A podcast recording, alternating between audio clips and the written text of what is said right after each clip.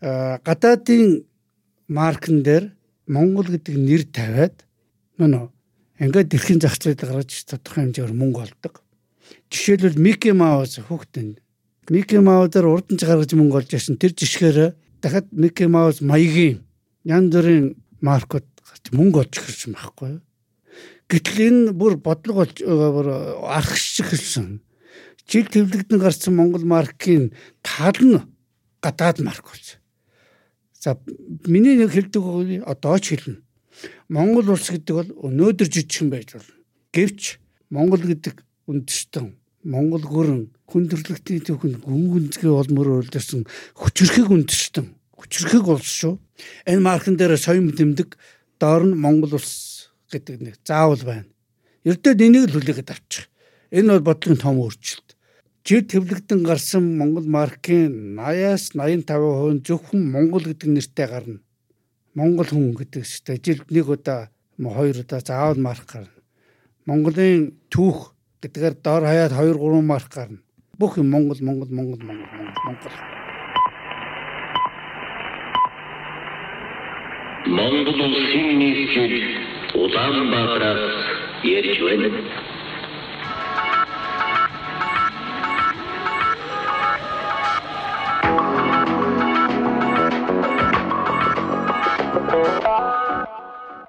Одоо Лондонд очихоор бас нэг подкаст хүлээж байгаа. Цэрэн Батай тань шүү дээ. Монголоор ярилцлаа хөө. Британий монголчуудын холбооны тэргэн Цэрэн Батай залуу яг танаас подкаст хийдэ. Сая намайг гаргах чагаа та өгөөдөх ширгөө би одоо ямар завгүй ирж ээж болоо гэсэн. Тэр одоо очигаа бас нэг юмд орох шиг байлаа. За за тэрнээс нь өрсөж цацъя да. За. Окей. За сайн бацгаана уу сонсогчдоо. Улаанбаатараас ярьж байна подкастын ээлжид шин дугаар эхэлж байна. Аа үндсэндээ бол 28 дахь дугаар.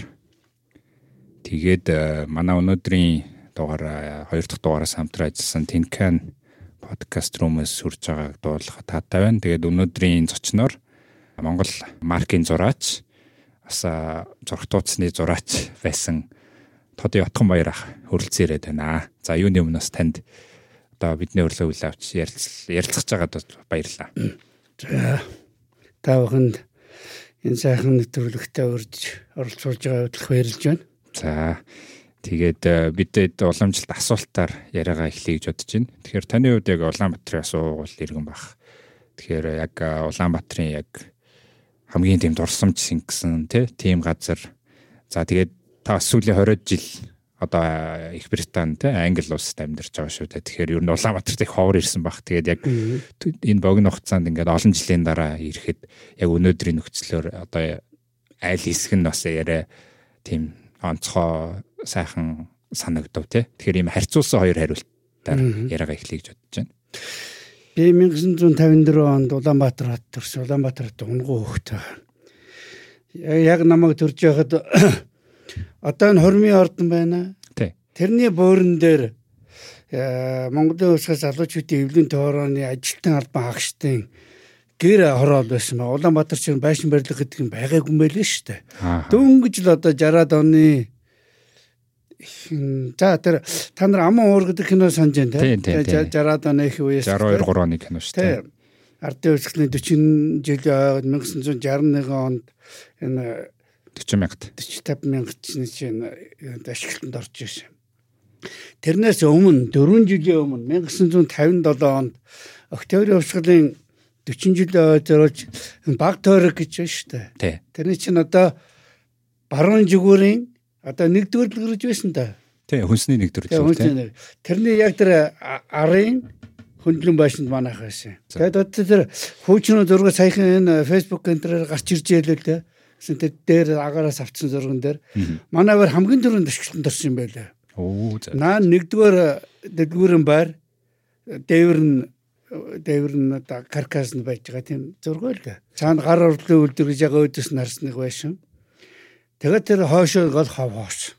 Тэгээд тэр би чинь 3 настайдаа тэр байранд орж исэн Тэрнээс өмнө манайх би ингээд ер нь Сүхбаатарын талбайд тойрол амьдраад байсан хүн байж штэ. Та ер нь яг он цагийн дараалал нэг сонирхуулаач те яг хаанаас хаашаа нүүдэлж байв. намайг төрж яхад хормын ордын дэнд байсан гэж ялаа тийм үү. Тий. Тэгээ дараа нь наашаа нүгөөд шатрын клуб гэж байсан да тэр нэг муурын байшин шиг нэг юм Аа тий тий тэр байна одоо байхгүй. Тэр чин 13 онд нураасан санаж байна. Муурын байшин одоо нөө Блускай яг урдахгүй. Аа тийм тийм. Чойжин ламын сүм үзэн зүүн талд байсан. яг яг. Тий. Тэр, түүхэн байшин тий. Тэнд чинь нэг бас нэг хэсэг нүүж ирээд тэгээд дараа нь одоо тэр шар байранд орсон байгаа. Э, Тэр э, Монголын улс сурвалжчдын эвлийн төв хороо Монголын үйлдвэрчний эвлийн төв зөвлөлийн ажилтан албан хаагчдын байр. Тэр байрыг 54 айлыг 27 27-оор хавааж авсан байдیں۔ Манайх 21 номерт нь би 1957-оос 72 он хүртэл Хүнсний нэг яг ард исэн биш тий. Зоос Тий. тэнд. 15 жил үү? Юу лээ?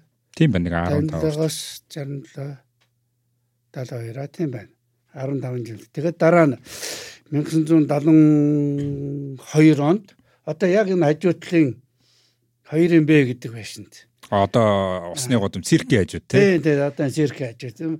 Цирк чи 1971 оны ард явцхан 50 жил байгаар ашиглалтанд орсон шүү дээ. Румыни тий. Тэгээ өрмөнө тусламжтайгаар.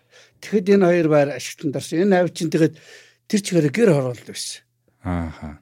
200 мянга. А энэ чим хандарч өргөө одоо гэд нэг модон башин байна шүү дээ. Тэр чинь бүр яаж яаж яажсэн ер нь нуур жунхтай хүртэл тулчихсан тиймэрхүү байдалтай байсан. Тэгээд тойроод гэр хашаа. Одоо яг энэ залуу техникчтэй ордонд чинь м 1974 онд ашиглалтанд орсон санаж байна. Манай аав энд анхны Непогоор нь ажиллаж ирсэн. Оо за. 70 78 он хүртэл байна. За би мэдгүй.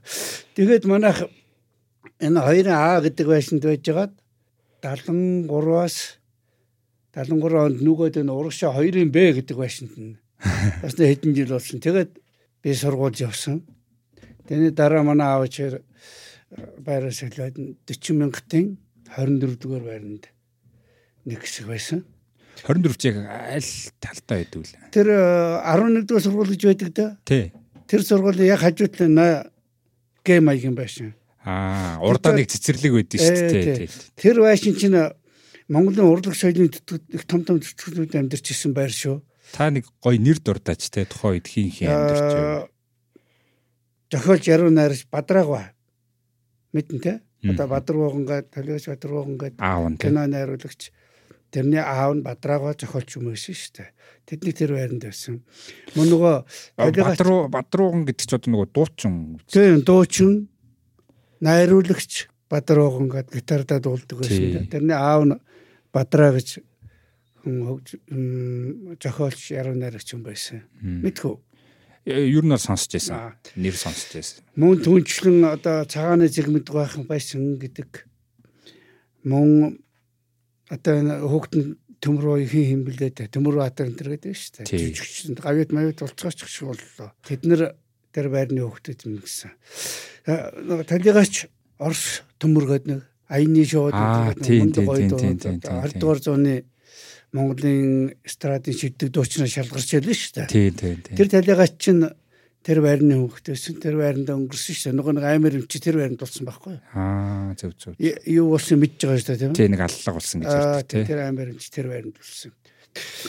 Мөн э, Дэмж жанжны хүү Элбэг гэж хурандаа тэр байранд самдэрдэг байсан. Гэх мэтлээ өөр олон урлаг соёл нийгмийн тэтгэгчнүүд амьдардаг энэ 40 50 мянгатаас чинь тийм нийгмийн илүүтэд энэ байрууд амьдарч ирсэн шүү дээ. Баг тойрог энэ 40 50 мянгат гэдэг. Тэгээ дараа нь хоёр дахь биш ээ. 50 мянгатын дараа 40 мянгат баригдсан. Тэр 40 мянгат баригдж байгаа босч байгаа байдлыг тэр аман уур кинон дээр яг үзүүлж байгаа шүү дээ. Тий. Одоогоос Яг дүрссэн байт. Яг 60 жилийн өмнө хийсэн кино байгаа. Тэ. Тэр үеийн Улаанбаатар хот бол үнэхээр нэг том тосгонд байсан л да. Асфальтын зам хавартай, машин тэрэг хавартай, хүн амцойтой. 1961 оны хүн амын толгоор Улаанбаатар хот анх удаа 100 мянга тотуулж дэлхийн хотуудын одоо хамгийн доод статусыг авч ирсэн байгаа. Оо за за. Тэр чинь 100 мянгаас дээш хотыг л одоо дэлхийн гадар нар тэмдэглэж штэ. Тэгэхээр тэрнээс өмнө тийм жижиг том тосгонд байсан байгаа. Тэр юу гэхдээ тэр 1959 онд малыг нийгэмчилсэн. Малыг нийгэмчлээд нөгөө хоршоолол хөдөлгөөн гэдэг үл. Тэгээ оршуулны хөдөлгөөн өрнөд нэгдэл гэдэг юм байгуулагдаад одоо тэр хөргөн хөө гэдэг кинон дээр их тодорхой гарч байна да. Үтсэн биш тэр нар. Та нар тэр хуучны кинонд үздэг? Гэхдээ юм тэгэл нөгөө багада баяр маяраар л үзэн тэгээ утга мутгын сайн ойлгодгоо. Одоо л ингээд нэг жоохон юм ойлгохтой болоо дахиж нэг зарим зарим киног нэг хаяа тааруул юм тэгэл. Тэр э, кинон дээр э, тэр нэгдэл хөдөлгөөний тухай их тодорхой өгүүлсэн байгаа. Чухам нийгэмдээ ямар ашигтай, ямар зөрчилтэй байсан гэдэг талаар. Тэгээд э, тэр үед малаа хураалгасан олон малчид Улаанбаатар хатад бөм бөөнөр орж ирж сурч гэлсэн. Тийм 50 тэр чинь 57 80 оноос эхэлсэн ажиллагаа байдаг шиг үлээ. Тэгээ 59 онд дээцэгтэй өрсөн тэр үед нь олон малчит Улаанбаатар хотод орж ирж ингээд Улаанбаатар хот нь 61 он 100 мянган та хот болж ирсэн байлээ шүү дээ. Оо за. Тэгээ дараа нь 1900 1950-ад 60-ад оны үеэс л Улаанбаатар очны тийм барилгаж эхэлсэн шүү дээ. Аа одоо энэ тэгээд гэр хороолууд байсан л да. Тэгээ би баг сургуульд орохдоо 5 дахь сургууль байна шүү дээ. Тий. Тэнд нэгдүгээр ангид орж ирсэн. Тэгээс дөрөвдүгээр анги хүртэл сураа дараа нь 23 дугаар сургууль руу шилж суралцаад Аа. Дараа нь дахиад буцаад 5 дугаар сургуультай суралцаад тэнд төгсөөд тэгээд одоо зураач болгосондоо орсондоо Ер нь 71 2 онд төгссөн биз дээ. 72 оны. 72 онд. Аа. Тэгээд 72 оныхаа өвлөөс гэсээд Монголын өрчүүдийн өвлийн орны Улаанбаатар хотын салбар дагалдан зураач гэдгээр орж ирсэн. Ааха. Тэгээ одоо тэр урлагийн том том маршрутаа чинь ажиллаж ирсэн тэр үеийн зөв шижигсэн залууслаас одоо бол өвгөд боллоо хөгшөрлөө одоо эхнээсээ үгүй болчихлоо тэр том том урлаг соёлын зүтгтнүүчийн тэнд байдаг гэсэн. Одоо яг энэ соёлын төвөргөө шүү дээ. Яг тэрний чинь буурин дээр гэр ороод байсан. Гэр ороод. Тэн дээр одоо тэр хуучин зургуудыг гарах юм бол нэг давхар нэг навтай байсан башин байгаа та. Тэр чинь нөгөө орчууд ивлийн хотын салбар байсан гэдэг. Тэр тэр чинь над э, нүүрэн тал нь болохоор нэг өөр газар цаашаа эргэсэн юм нэг П маягийн байшин байсан. Ааха. П ч юм уу дөрүлжин ч үйлөө дөрүлжин байсан. Тэгэхээр тэр цаад мохорт нь хотын салбар гэдэг.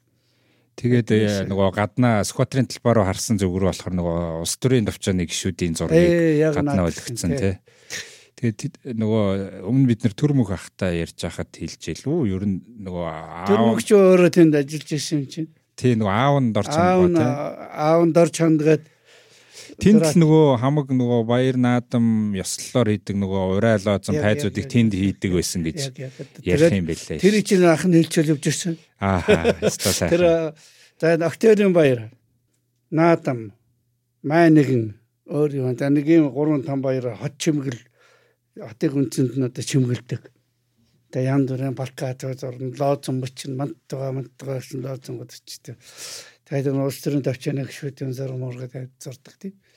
Тэгэхээр одоо нөгөө анхны асуулт нэрээс асууч. Тэгэхээр яг та ингэж олон Улаанбаатартад нүүж ийш тийшээ бас бөөрс илгсэн ба шүү дээ. Тэгэхээр одоо ингээд яг эргээ санахад яг аа, яг яг тэр хэсэг л бас их гоё байсан шүү гэдэг.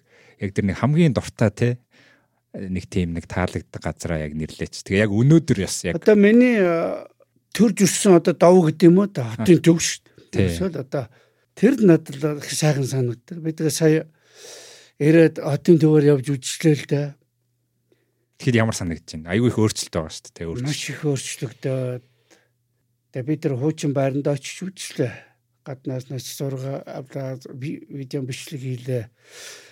Огт өөр орчин. Одоо би юу ч гэж хэлмээр юм дээр өөр хот болчихжээ л гэж хэлэх гээд.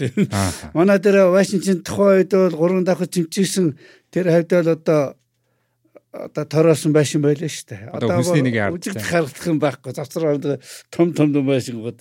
Гэхдээ яг хөтэ ус нийгмийн хөгжил байна. Тэгээд хөгжлөд агаад өндөр өндөр байшингууд босох ёстой байх л да. Зүгээр хот төлөвлөлт гэдэг юм бүр үжээдгөө ч гэсэн байхгүй. Одоо чиний наад асуултанд хариулахад тэр үеийн Улаанбаатар хотын төлөвлөлт юмд байсан. Яг одоо орчин үеийн хот байгуулах сонгодог тэм арга барилаар хот төлөвлөж ирсэн байгаа. Одоо энэ баг тойргоч ингээд дээрэс нь харахаар гэр маягийн Тий, тий. тэгээд урагшаа том талбайтай Тий. талбайгаас урагшаа том парктай Тэгээ урагшаага төв зингэлэх наадмаа идэг. төв зингэл наадмаа байдаг богдуул ингээд харж яадаг. Тэрийг нэг Тэр- Улаанбаатар хотын музей нэг очуур судлаач л яг яг үндсэлтэй тайлбарлалт юм л. Яг нөгөө хөрөө хоттой яг анх. Яг ийм жишгээр байсан. Яг тэрийг төлөвлөж барьсан. Тэр нөгөө гэр нь бол яг үндэ нөгөө дээр үеийн хүрээний загварын байшингийн юу. Яг Монгол гэр гэж яг андуурхаар байдаг байдаг гэд яг Тийм. очуур ах бол яс яг ярьж ирсэн санаа. Тэгээд э, 1950-аад оны сүүлээр юм уу 60-аад оны ихээр Улаанбаатар хотыг гэр ороолгүй болгох тэг том төсөл хэрэгжих шахсан байлээ. Оо за за энэ өстө Тэгээ- сонсоогүй. Зөвхөн талбайд улс гэд нэг том хөчрөх гүрэн байлээ шүү дээ. За яг манад сайн нэг хийсэн мөнгө хийсэн л да. Э, Манай улс тэр улсын дагуул орон байсан. Тэгэхээр тэр том хөчрөх гүрэн чинь бас өөрийн дагаж яваа нэг жижиг буураа орны ядад нийслэлийн нөөдөн татъя гэсэн тийм бодол байсан шиг байгаа. Гэсэн 1950-ад оны сүүлээр хятад а, төрийн албан айлчлал хийжсэн зөвлөлт бод улсын коммунист намын төөрөн улс төрийн давчааны гişүн Монголыг хариуцсан нарийн бичгийн дарга м, Микаян гэж юм байсан. Тэр Микаян гэдэг хүн хятад ажиллаад буцаад Улаанбаатараар буугаад мордсон юм байна л да. Тэгээ заашны толгой дээр гарч харсан байгаа. Зүгээр нэг том гэр эсхий гэртэй тосхон. Тэгээд бодсон байна да тэр хүн бодсон байна. Одоо аваа өөрийнх нь зөвлөсөн ч юм байлгүй бодвол манайхан санд бодлоо хэлсэн байлгүй. Тэр зөвлөл боловсон өдөртөгтэй байгууллагын ороо засгийн газартаа санал оруулж энэ Монголын нийслэг нөөдөн татахгүй бол болохгүй юм байна. Энэ улс чинь биднийг дагаа 40 жил явлаа. Одоо тэг навсаас юм. Энэ хот гэж үтгэж чичүү. Манай улсын нэр хүндч муухай. Э, Ядаж энэ хотын нэг бүр тэр мухагэр орол моролс гэдгээс нь салгаад очин үе урбаниз хийчих хотолгоё гэж. За ингээд асуудал яваад тэрэн зөвл бодсон тэр том удирдлага боломжтой хариу өгөөд манай тал хандсан шүү дээ. Одоо ийм төвшил явж байна. Одоо энийг та нарын үж үлдчих гэсэн чи. Тэгэд манад энд бас өндөр төвшөнд бас хилжээд юу гэсэн гэхээр зарим э, хит үндэсний үжилтэй нөхдүүд Улаанбаатар хотод одоо Монгол улсын нийслэлд гэр хороол бол байх ёстой маа. Ааха. Энэ дэлхийд байхгүй энэ дэлхийд байхгүй ховор хот байна. Гэр хороол орчин үеийн урбан байшин барьд хоцолсон хорвоо ганцхан хот гэж тайлбарлаад тэр төслийг унгаачихсан. Оо. Хэрв тэр 60-аад оны ихэр тэр төслийг хэрэгжчихсэн бол одоо энэ манай гэр хорооллын асуудал их өөр байдлаар байх байсан байх шүү. Би тэгж боддتي. Тэр үед чинь бас одооных шиг их байгаагүй шүү дээ. Нэг цөөхөн Оо тий. юу вэ энэ чинь 100 мянга шүрхгэн үнэтэй байсан. Дөнгөж 100 мянган үн дээр гэр хорооллынхаа асуудлыг зэгчлээд авчихсан бол тэгээд тэр чинь одоо тэр үеийн э, засаг дургад чи их хүчтэй нэр хүндтэй байсан шүү ард түмэндээ. Ард түмэн дуулууртай номхон. Яг тэр нийгмийнх нь харан шин тийм л байсан да. Нэг хоёр дахь тэр газар чөлөөлөхгүй мөлөөлөхгүй энэ тэр юм ярихгүй шүү дээ. Одоо нүүгээр нүгэл яваад. Тэгээд тэр зөвлөлт талбай зөвсгөлтэй том хүчрхэг гүрэн чи бас нэр хүндээ бодсон шүү дээ. Орчин үеийн тэр гоё хот байгуулад үгээд. Тэр асуудал ундаа түүнээс хойш Нэг удирдахч дээр одоо нэг э, дарааг даамал дээр л унсан ба шүү дээ. Ер нь тэгж ойлгож байна. энэ гэсэн чинь 90-ад оны ихэр над энэ тухай нэг хүн сонин дээр бичсэн. Би энэ гэр ороолыг авч үлдэх тухай санал тавьсан юм аа. Аа за. гэж тэр хүн хэм байсан би санахгүй тухайн үед хараад бас маш их дургу өчсөн байхгүй юу. Хэрв тэр нөхөл одоо тэр нөхдүүд ийм асуудал гаргаж тавиаг бол Улаанбаатар одоо суурай орчин үеийн урбан хотын хэлбэрт орцсон байх хэрэгтэй байсан байхгүй юу. Тэр үед хот төлөвлөлтөөр зөв хөгжиж явцсан бол өнөөдөр шиг ийм замбрааг барилга байшин байх юм нөхцөл байхгүй ч байсан байж магадгүй шүү. Ягаад гэвэл одоогийн энэ дөрөв уулын талбай дээр чинь ингээд 21 хороол системтэй хороол баригдчихсан байх.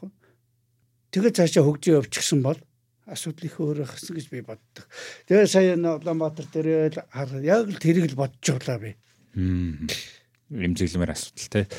Аа яг хөө зүгээр зүгээр миний л бодол байна л та тий. Үед ч одоо социалист улс байсан. Тэгээд төрийн удирдлагууд хэрэв магадгүй нэгдсэн нэг шийдвэр дээр яг яс батлайвал хин нэгэн хүний санал ийм байх тийм байх гэхийг үндэслэх одоо үл хойшоогоод гэх юм уу тэгээ дээрээс нь тэр зөвлөлт толгойт улсын тэр одоо тэр төлөөлөгч хүний заавар зөвлөгөөгөөр бараг шууд хэрэгжүүлчмээр л байсан юм шүү. Одоо нэг хүн эсэргүүцсэн ч гэсэн тэгэхээр тэр эсэргүүцсэн эсвэл нэлээд том нэр нөлөөтэй байсан учраас таарна шүү дээ. Тэгсэн байна тийм. Тэр улс төрийн төвчөө гэдэг асуудлыг шийддэг 7 8 7 хүнтэй байсан мөлөө дээ. Төвчөөний жинхэнэ гишүүн 7, орлогч гишүүн 2 хүн байсан. Тэгэхээр тэр хоёр орлогч гишүүн санал өгдөггүй. Тэгээ орооны жинхэнэ улс төрийн төвчөөний жинхэнэ гишүүн 7 хүн л асуудал шийддэг байхгүй. Тэгэхээр 4 3 харьцаатай л ялагдчих. Айгүй л тэгш юм шиг байгаа. Тийм байна. Тий. Магадгүй тийм хурлын Португал тэмдэглэдэг бол бас хамгийн гол нь одоо хэрэг архивд ухах юм бол тэр гараад ирнэ. Би яг тэр их сайн санаж байгаа гэхээр би 23 дугаар сургууль зурж байсан. Манай байр тэр нэгдүгээр дэлгүүрээ хайжээд. Яг тэр талбайгаас чинь одоо барилгачийн талбай гэж байна одоо. Тий, тий. Барилгын талбай байгаа байгаа. Тэр тэнд барилгын зургийн институт гэж байсан. Одоо засгийн газар хэддүгээр байрг нэ. Тий, тий, тий. Барилгын яамч гэж байсан тийм одоо байна. Одоо байгаа байгаа барилгын яам гэдэг. Одоо тэр чинь барилгын зургийн институт гэж байсан. Тэнд үүднийх нь том танхимд ширээн дээр Улаанбаатар хотыг хөгжүүлэх төсвөлгээд одоо макет хийсэн бол дөрөв уулын донд ингээд нөгөө хөөрхөн жижигхэн байшингуудыг өрөө тавьчихсан. Хот төлөвлөлт бол маш мундаг тавигдсан байсан. Тэр би яг сайн санддаг байхгүй. Тэгээд тэр үеийн тэр багын дурсамж Тэр ч одоо 60 оны сүүл үе гэсэн үг шүү дээ. 70 оны их үе. Та яг сурагч байсан үе гэхэр ч одоо 67 8 юм уу тий? Тэр төвшил бол 1950-ад оны сүүлээр яригадаад 60-аад онд л унтсан юм шиг байгаа. 60-аад оны ихээр л. Яг тэр үеэр чи нөгөө нэг анх дахь төлөвлөгөө мөлөвлөгөө. Үгүй анх дахь төлөвлөгөө гэдэг бол ийм 1947 онд Улаанбаатар хотыг төвжүүлэх анх дахь 5 жилийн төлөвлөгөө гэж улсын хөгжлөө чинь 5 жилээр төлөвлөдөг байсан. Тэгэхээр тэрэн дотроос хот төлөвлөлт 5 жилээр явдаг. Системтэй байсан шүү. Тий. Одоо энэ чөлөө төрсөлтөө ингэж юм байх нэг нийгэм нь нэг загвараар явдаг нийгэм байсан шүү дээ. Тэгээд одоо нэг ийм л хот болчихлоо. Одоо ямар ч аргагүй яадаг юм байна. Одоо тест хар морин хар хорон морин луга усын төв нийслэл нүүлэгт юм яадаг. Улаанбаатар Монгол улсын нийслэл цоо шинээр барьж болох юм да. Тэр бүтэх юм уугүй юу бөөмөд. За одоо Улаанбаатар одоо Улаанбаатар засваргүй боллоо л доо. Тэглээ. Тэгэхээр одоо таны одоо бага наснаас эхлэе. Тэгэхээр ер нь бол эхлийч байх уу? Ер нь бол товчхон юмнуудаа ярьчлаа тий. Одоо яг юм бага сургууль 5 дугаар сургууль 23 ингээ явж исэн байна. Яг энэ дээр нэг юм асуух гэх нөгөө танаа одоо хүнсний нэгээс одоо баруун тишээ тий одоо 6 дугаар орол тэнгис ялт кавер затрын тэр хэсэг чинь нөгөө нэг хуучнаар бол ингээд баруун дам нурчин буюу одоо хятадууд их байсан. Хятадын 9 гудамж гэж байсан. Тэр талаар та нэг яриач бас сонирхолтой байна. Манайх чинь ингээд э, манай байр яг ингээд э, гурван давхартай байсан манайх. Тэгээ Балкан дээрээс харахад хоошоо ингээд нилийсэн хятадын 9 гудамж гээд чигтэйх мохо шавар шавхаа олсон. Хятадын одоо Чайн таун аахгүй юу? Одоор Чайна таун шүү. Одоо Чайн таун аахгүй юу? Тэгээд маш их эмх замбраагүй. Йоо. Бохор. Хай тэр том одоо Ленин музей гэж байна шүү дээ. Тэр хаваас нэг ингээ задгаа нэг том гудамж шиг энэ тэрэн дээр битүү шавхаа ус болсон тийм гадарсан. Тэгээд Ленин музей ард уучлаараа нөгөө нэг ийм нэг давхар нэг байшин байдаг гэсэн шүү дээ. Тэр одоо тийм маш их байшин. Саяхан нураагаа ичсэн шүү дээ 11 онд. Тэр хятадын гудамж байхад яг тэн донд орсон. Одоо сүндэрлж байдаг ганц ганц хоёр давхар байшин тэр. Тэрс бас нэг навтааш нэг одоо хятадын хуучин зургуудаар харж байхдаа навтахаар хороол байдаг шээ. Тэр загун тэр ихгүй. Тийм юм байл тий. Яа тэгээд тэр замынхаа урт тад одоо энэ хүнсний хийд нэг гэж байна байхгүй. а барилга нь бол байгаа өөр юм Raffles Institute C1 төлөв. Дэлгүүр хэвээр байх. Дэлгүүр нь болцсон. За тэр яг тэр талбай дээр чинь хитэн ши янз гэж байсан юм. Ши янз гэдэг нь одоо соёлын төв юм а да. Тийм тийм саж битгоо яг энийг ярьж ирсэн юм байна. Тийм. Ши янз тэнд ядуу чинь самар зардаг. Бид самраас нь шүрдэг.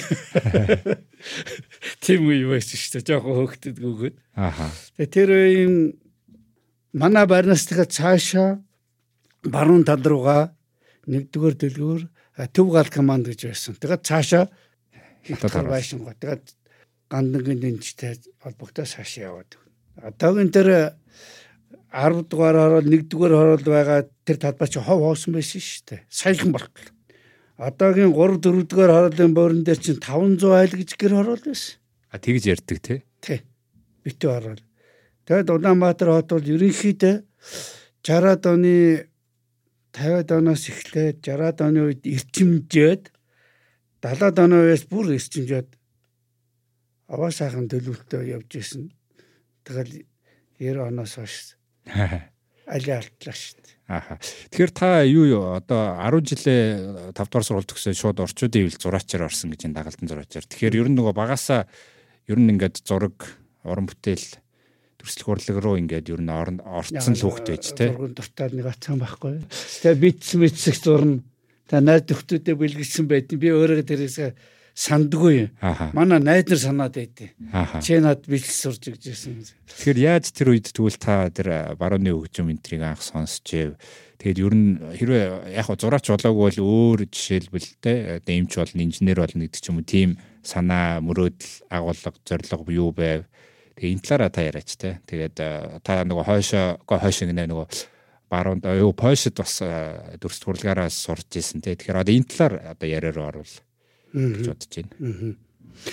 Тэр чи одоо 1960-аад оны дунд үеэс Монгол улсын гадаад харилцаа эрчимтэй хөгжиж зөвхөн зөвд толгойд ус төдийгөө одоо зүүн Европын орнуудад оюутнуудаас орж ирсэн байдیں۔ Тэгээ зүүн Европ маань одоо зөвд толгойд усаас арай илүү нээлттэй.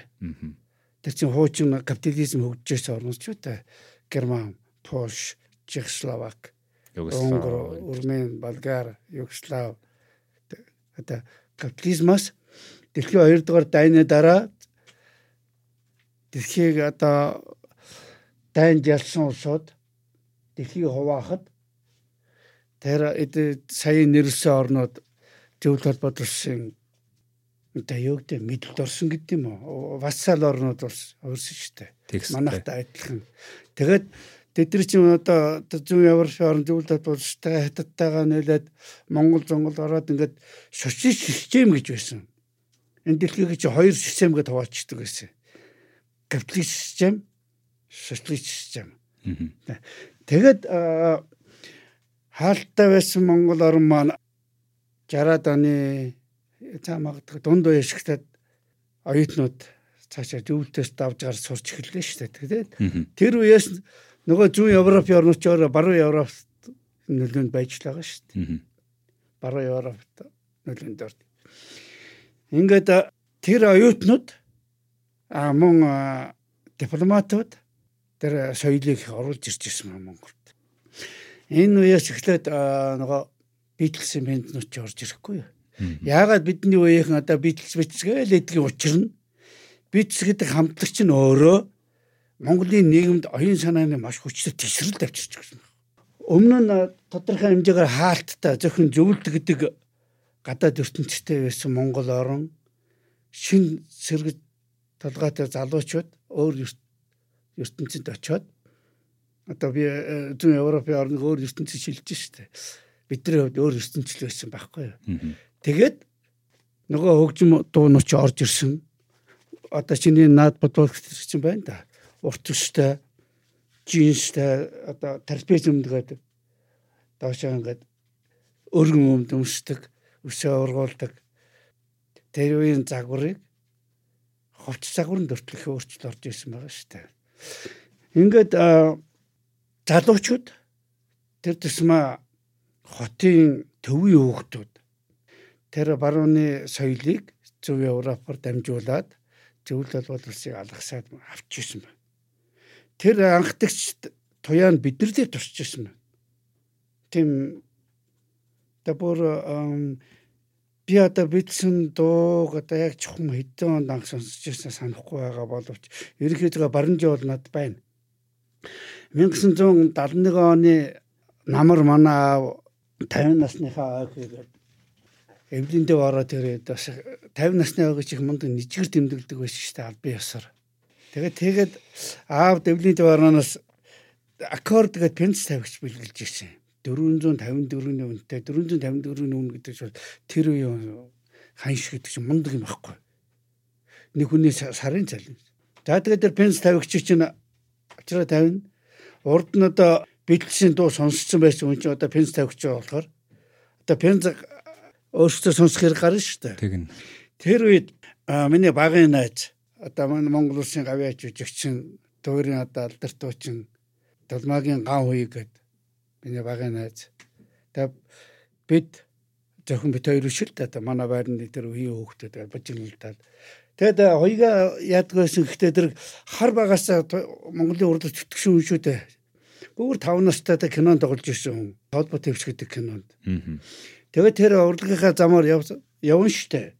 А тэр анги анги сургуулийнхаа урлагийн нэр нүр болсон хүн байхгүй юу? Ингээ хоёугаа чинь тэг хөгжмийн урлагийнхантай холбогдчих гэсэн байна. Бид түрүүн би 5 дахь дугаар сууж байгаа дараа нь 23 руу шийдлэгдэж штэ. Тэгсэн. Хоёугаа бид нэр цуглаж хэлж байгаа байхгүй юу? Аа. Тэгсэн тэр 23 дахь сургууль чинь нөгөө нэг бацаан дөргөө гэдэг нөхөр сонсогдоод байдаг да. Аа за. За тэр хин Атманууд те одоо. Тэ Атманууд Улаанбаатар Атманууд. Тэр чи одоо 23 дахь сургуулийн хүүхдүүд ч шүү дээ. Тэгээ зундар энэ төр гэ тэ. Тэгээд тэр чи яг 23 дахь сургуулийн хажуутлын байранд байсан. Тэр зундрын ах нь одоо Монгол улсын төрийн шагналт төгжмийн зохиолч хангал гэж юм байна. Тэр хангал гэдэг хүн чинь аяны шууд юу их гой гой тэр доонууд сарнаа цэцэг энэ төргээд тэрийн тэр төмөр дуулдаг. Талигаач орс төмөр дуулдаг. Энэ хоёр хүн болон тэднийг тойрсон жижиг бүлэглэл Монголын хөгжмийн урлагийг одоо барууны нөлөөнд оруулах шиг чухал үр өгсөн хүмүүс байхгүй юу. Тэр нэг мазан гитар нутдаг, бодисэн дуулдаг, барьдаг тэр чинь тэр үеэс гэж яахгүй. Тэр хотын төвийн хөөхтүүд дотор тэднэр бүр тодорхой бүлэг байсан. Яг тэр бацаан дөргөтэй чинь ган хуй нэг ангид нэг анги 8 а ангид биш бид нар чинь 6-гийн 5 а ангид ороод 8 дугаар анги хүртэл цуг явсан юм. А би 5-ын бэвлэвэд нараад нэг параллел ангид нар Тэгээд цугл яваад байгаа шүү дээ. Нэг байрны хүүхдүүд нэг сургуульд анги нөр боловч тэгэл цугл яваад. Тэгэд хоёгаа бол нөгөө хөгжмийнхөндөө холбогдоод нөгөө пенз чинь хоёгаа болоод ирдэг гэсэн. Тэгэл одоо нөгөө би чинь пенз тавьчих та. Хоёгаа пенз болоод ирнэ. За тэгэл манай байрныхан чинь нөгөө нөгөө пензийг сонсоод. Тэгээд бид нар чинь тэр бэйтс гэдэг юм чинь амтанд орохгүй. Тэгээ та хэдэн онд одоо одоо 72 онд ажиллаж эхлээд тэгээ хэдэн онд одоо сурахаар Польш руу явж исэн бэ? 72 онд Тэгээ би чинь бас нэг юу ашмаа төмөр таман техникумд зураачаар нэг ажилласан.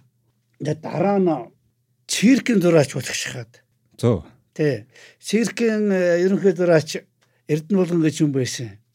За туслах зураач нэг төвшин гэж юм байсан. Тэгэхэд Эрдэнэ болгонгоо болохтой тэр за чи манад ажилд орчих.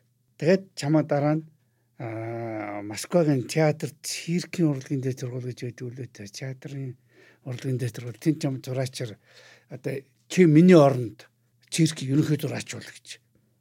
Тэр үеийн одоо боловсруучны бэлтгэдэг систем чинь ийм шүү дээ. Одоо хин нэгэн хүн ямар нэгэн албан тушаал томилогдоход заавал арийнхаа хүнийг бэлдэнэ. Бүр 2-3 хүн бэлддэг. Бүр номтой. Тэгээ тэр циркийн ерөнхий зураач гэдэг хүн чинь өөрөө залгамжаа хайгаа явж шít. Тэгээд намайг чи манад орчих чам би гадаад сургууль явуулчих. Чи тэгээ эргээд намаа ингээд тенсэндээ гарахаар чи энд ерөнхий зураач бол. Тэгээ заа зөө болчихсон байшин. Тэгжээтэл кино улдарын зураач Бадарчин жадамаа гэж юм. Дэ фильм гэж мэдгүй та нар. Гүү. Дэ фильм гэдэг нь юм байт юм. Цаасан дээр зураг зураад тэгээ тэрийн бүдүүн маргаар фото фотогоор аваад тэгээд пленкэн дээр буулгаад тэгээд нэг жижиг аппаратанд хийгээд ингээд эргүүлж үздэг. Тэгээд нэг кадр яваад кадрынхаа доор тайлбартай одоо хүүхдийн үлгэний зураг зурна шүү дээ. Эрт тур цагт эмгэн өвгөн хоёр байж байгаад нэг эмгэн өвгөн хоёрын зураг доор нь ингээ биччихсэн. Тексттэй. За тэгжээтэл тэр хоёр ингээд ингээд баатар болоод энэ тэр кадраар зурдаг байхгүй. Тийм зурдаг. Эний зураач биш юм. Тэгээд жаданба ах чи чиркэр яат. Чирк болоод юм хязгаарлагдсан бол урлаг. Яг тэр хүрээнд кино урлаг гэдэг бол огтөөр синтетик урлаг. Нэрэ кино урлаг дотор чинь бүх юм байж байгаа байхгүй юу? Уран зургийн ч байж байгаа, дуу хөгжмийн урлаг. Бараг циркэнж багтчихна. Аа, циркэнж бараг багтчихна. За цирк бараг багтчихж байгаа байхгүй юу? За тэгээд жүжигч одоо өөр юу вэ? Оператортай найруулагч одоо одоогийн телевиз кино маань чинь бүгдээрээ тэрэн дотор л кино дээр Монголын урлаг соёлын нэг номерын төв байсан. Тэгэд намайг ятгах кино үлдэр дураачаар оруулахгүй юу. Тэгээд тэр кино үлдэрт би анх орохдоо өчиг бичгч гэж юм байшээ. Тийм. Одоо энэ киноны өчгнүүдийг чинь одоо одоо мундаг машинаар бичээд шүү дээ. Техник технологи хөгжсөн. Тэр үед гараар бичдэг байсан. Жижигэн шилэн дээр гараар бичээд тэр нь одоо камераар аваад телевизэн дээр гаргадаг. Тэр миний хамгийн анх бичсэн кино тэр нэг анги хоёр гэж хөхтөн хөхтөн кино үү. За тэрний бичиг байдیں۔ Зохиолч тэр, найруулагч тэр, зураач тэр, оператор тэр гэж бичдэг шээ кинонд титр гэдэг байсан. Тим юм бичдэг байсан. Тэгээд хөдөөгийн баясгалан өөр юу юу гэлээ. Надтай цог Болдбаатар гэдэг нэг зураач хүү байсан бас. Тэгээд хоёулаа нөгөө тэр үеийн Монгол кино чинь кино холдор чинь жил болгон 6 уран сайхны энэ. За 40 гаруй баримт кино би тэгж л бодож байна. А мөн их кино мэдэнүүд сар болгон жилүүд долоо болгон жилүүд кино мэдээ хийдэг. Тэгээд тэдний үшгийг би тэр хувааж авч бичдэг байсан. Оо за за нэг ийм гоё фонт шрифттэй байгаад идэх чинь гараар бичиж байгаа л гэсэн үг юм шүү дээ ер нь тий. Тэгээд дараа нь Германаас Литерфуд гэдэг машин орж ирсэн. Одоо киноны үсэг чинь шин технологи орж ирж штэ. 75 оноос хойш кинонууд өшиг бичгээ тэр машинаар бичдэг болсон. Одоо тэр үеийн кинонод харахад бүр амтшгүй гар бичиг нөгөө 70 заавч 76 он шиг санаж байна. Бичгнүүд нэх гоё болоод ирсэн байгаа. Ааха. Тэгтэл тэр үед одоо тэр өшиг чинь 1 см өндөртэй бичтэй. За. Ганцхан сантиметр өндөртэй. Залуу байсан хурц хараа гэдэг чинь бүргэжгэлээсэн шүү. Тэгээд тэр чинь томоо дэлгэсэн дээр гарч ирнэ. Өчөөхөн жоохон алдаад энэ чинь ардаас нам гарч ирдэг байхгүй. Тэгээд тэр чинь пробигээд дахиад засаад бичнэ. Даадаг нэг хэд хэд засчсны дараа тэгээд чигцрээд ирж байгаа юм да.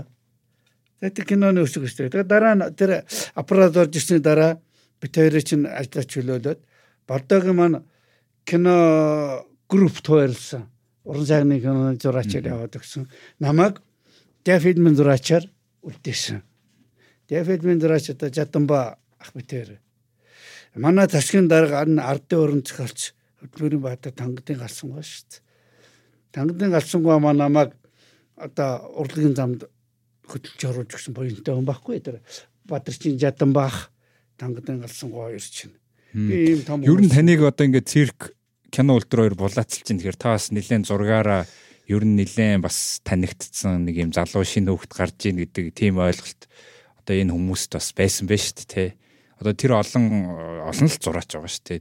Тэгтэл таныг бас онцгой тэгсэн юм байлгүй дээ. Тэгээд ямар ч хэлсэн жадан бах чи тэнд хэрэггүй л ийшэл ятгсан л байгаа. Тэгээд явсан л байгаа.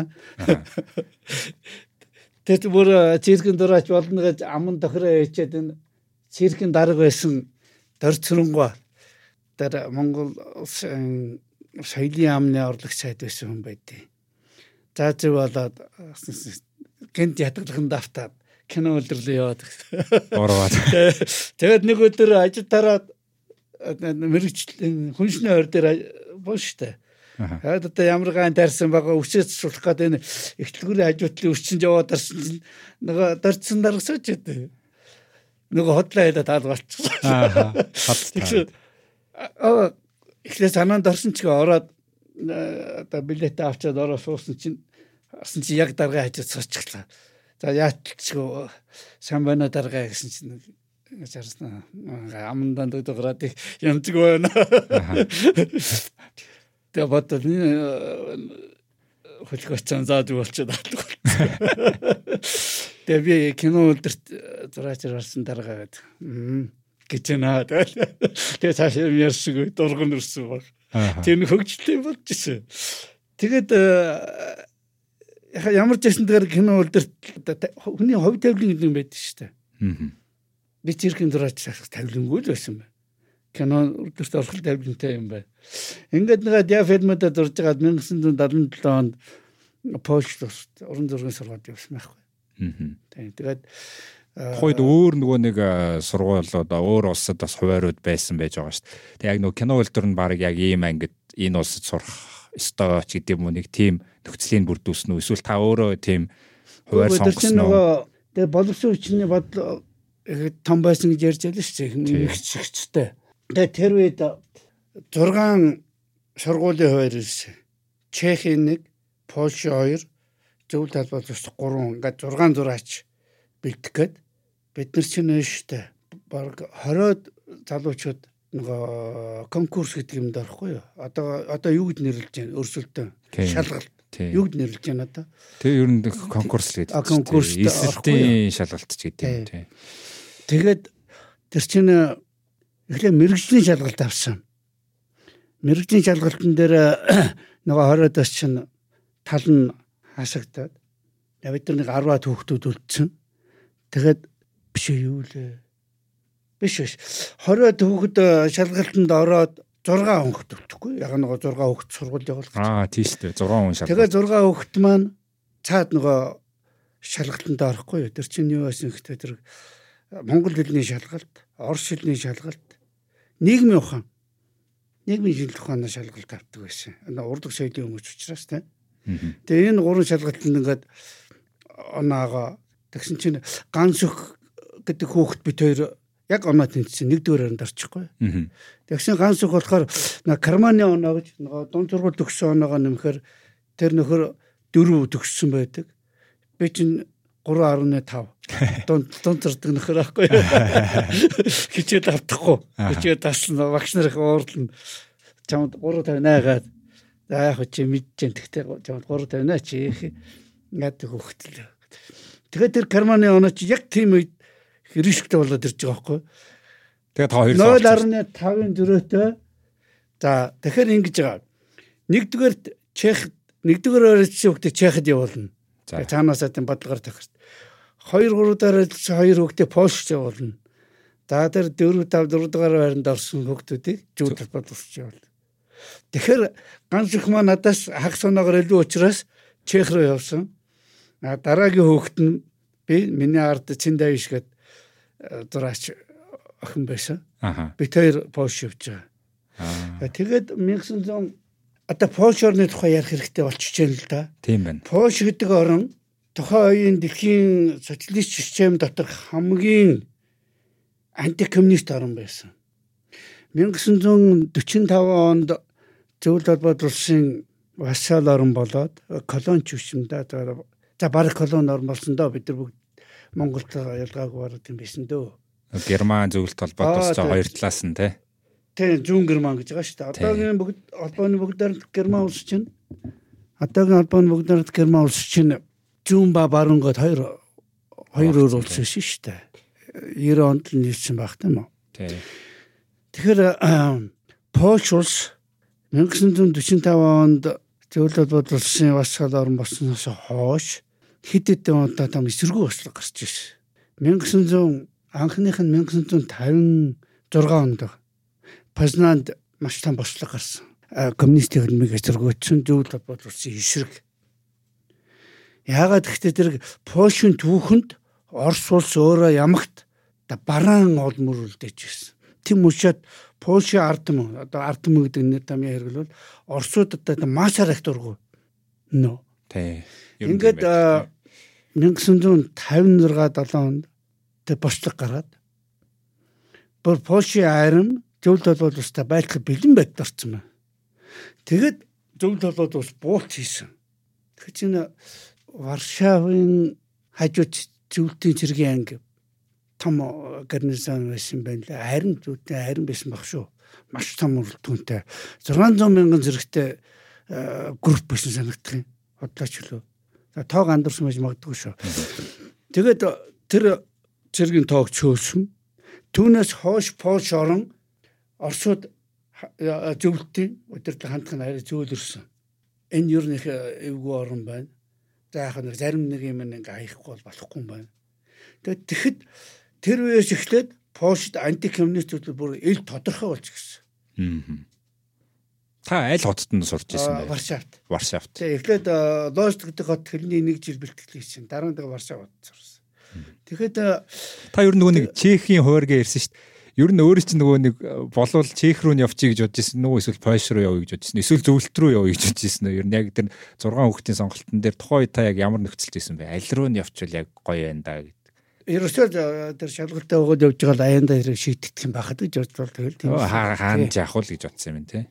Тэрнээс хоёр дугаар харин дорч гэж бодож явахгүй шүү дээ. Ингээд яг чинь Польш орн дараа нь 1968 онд Варшавт оюутны хөдөлгөөн гэж бослого болсон. Тэгэн тэрний ягаад гэхдээ тэр 68 онд Чехэд нэг том Чехословак одоогийн хоёр улс чинь нэг улс байсан шүү дээ. Чехословак улсад Прагийн хавар гэдэг нэг аюултай нэлээд том хөдөлгөөн болсон шүү дээ. Комплайн боллоо шүү дээ. Мөргөлдөө зөвлөдийн зэрэг чинь танк ороод. Тий. Польш Чех нутгаас чинь сүлдэж ийлээ шүү дээ. Бүр танк нь хүүхэд арил орж ирж ирсэн байдیں۔ Аимшигтай Оросууд зэрлэг шүү. Нэг зэрлэг. Тийм учраас тэр чинь зүүн Европын орнууд хэчүү хүлээж авна. 1956 оны Познаны бослого чинь бас тэр онд болсон баха Унгарт бас нэг бослого болсон. Тэгэхээр ерөөсөө энэ зүүн Европын чинь баян л эсэргүүт савлгаатай байсан байна тий. Зөвдийн эсрэг хандлага маш үжигтэй. Ингээд 56 68 тэгээд 1980 онд тэр нөгөө айхтар эв санааны нэгдэл солидар гэдэг чинь байгууллагатай чинь Вэх Ленсэ гэдэг одоо Нобелийн шагналтай Польшин том улс төрч өдөржүүлээ шүү дээ. Тий.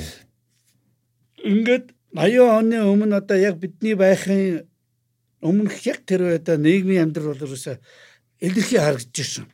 Ерөөсө Польшууд бол Оросуудыг бүр үздэггүй. Зөв талбайд орчих шүү. Оросууд биш. Зөв талбайд орчих гэдэг чинь одоо мэдэн шүү дээ. Одоогийн байлдаад байгаа Украин одоо Орос хоёр хоёулаа Латв Литв дээр нь Балтийн гурван улс Эстанууд байна. Беларусь, за Кавказын Грузин, Армян, Азербайджан. Азербайджан. Одоо тэгээд Азийн таван станаас Казахстан, Туркменстан, Тажикстан. Тажикстан гэдэг 15 улсаас бүрдэх том улс байл шүү дээ. Тий. Тэгээд одоо ингээд задраад сүүлдээ нь Орос, Украин хоёр нь байлдаа тэгээд баруун Украин бол бүр хизэнээс баруун Украин бол хизэнээс бас бас антикоммунист Польшин бол эндээс Польшин нутаг байсан шүү дээ. Орос дэлхийн 2 дугаар дайны дараа зөвлөлт толгойлсон бүрэлдэхүүнд оруулсан. Тэгэхээр баруун Украин бол хизэнээс зөвлөлтийн эсрэг антикоммунист русофоб үжилтэй тийм орн байсан шүү дээ. Ингээд 78-ис одоо бидний оюутан байхын яг үедээ одоо улс төрийн маш их савлгаатай одоо газар хөдлөлт гэж үзэх юм бол байнгын чичиргээтэй байсан нэг юм. Ингээд тэр чин 80 онд дэлбэрч яахгүй юу. Тэгтээ тэр биднийг оюутнуудаа татсан. Оюутнуудаа татаад Аа яг 3 дугаар курс байсан юм уу тий? Тий 2 дугаар курс. Аа 2 дугаар курс. Татаад ялангуяа урлагийн сургуулийн хүүхдүүд буцааж явуулахгүй гэсэн бод тодорхой. Энэ урлагийн хүмүүс ерөөс их явдалтай. Тэр антикоммунист оронд эдгээр сурч болохгүй юм байна. Нүн үү. Дээр нь би өөрөө сахлах батын төрчд гаргацсан юм.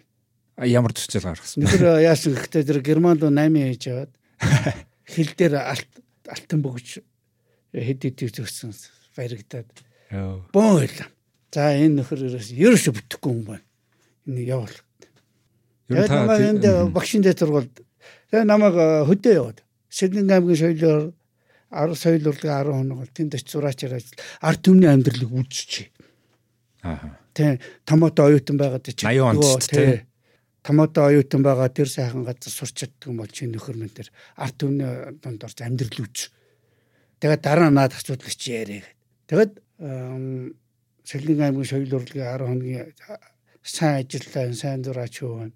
За ингээ соёлын амд буцаага шилжүүллээ гэдэг. Тэгээд соёлын ам хаашаа орох уу гэдэг.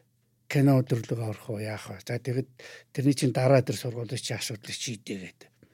Тэгжээд нөгөө цэрэгч явуулчихдаг. Эхнэр маань жирэмсэн болчдөг. Хэр хүүхдээ хаяаж явж.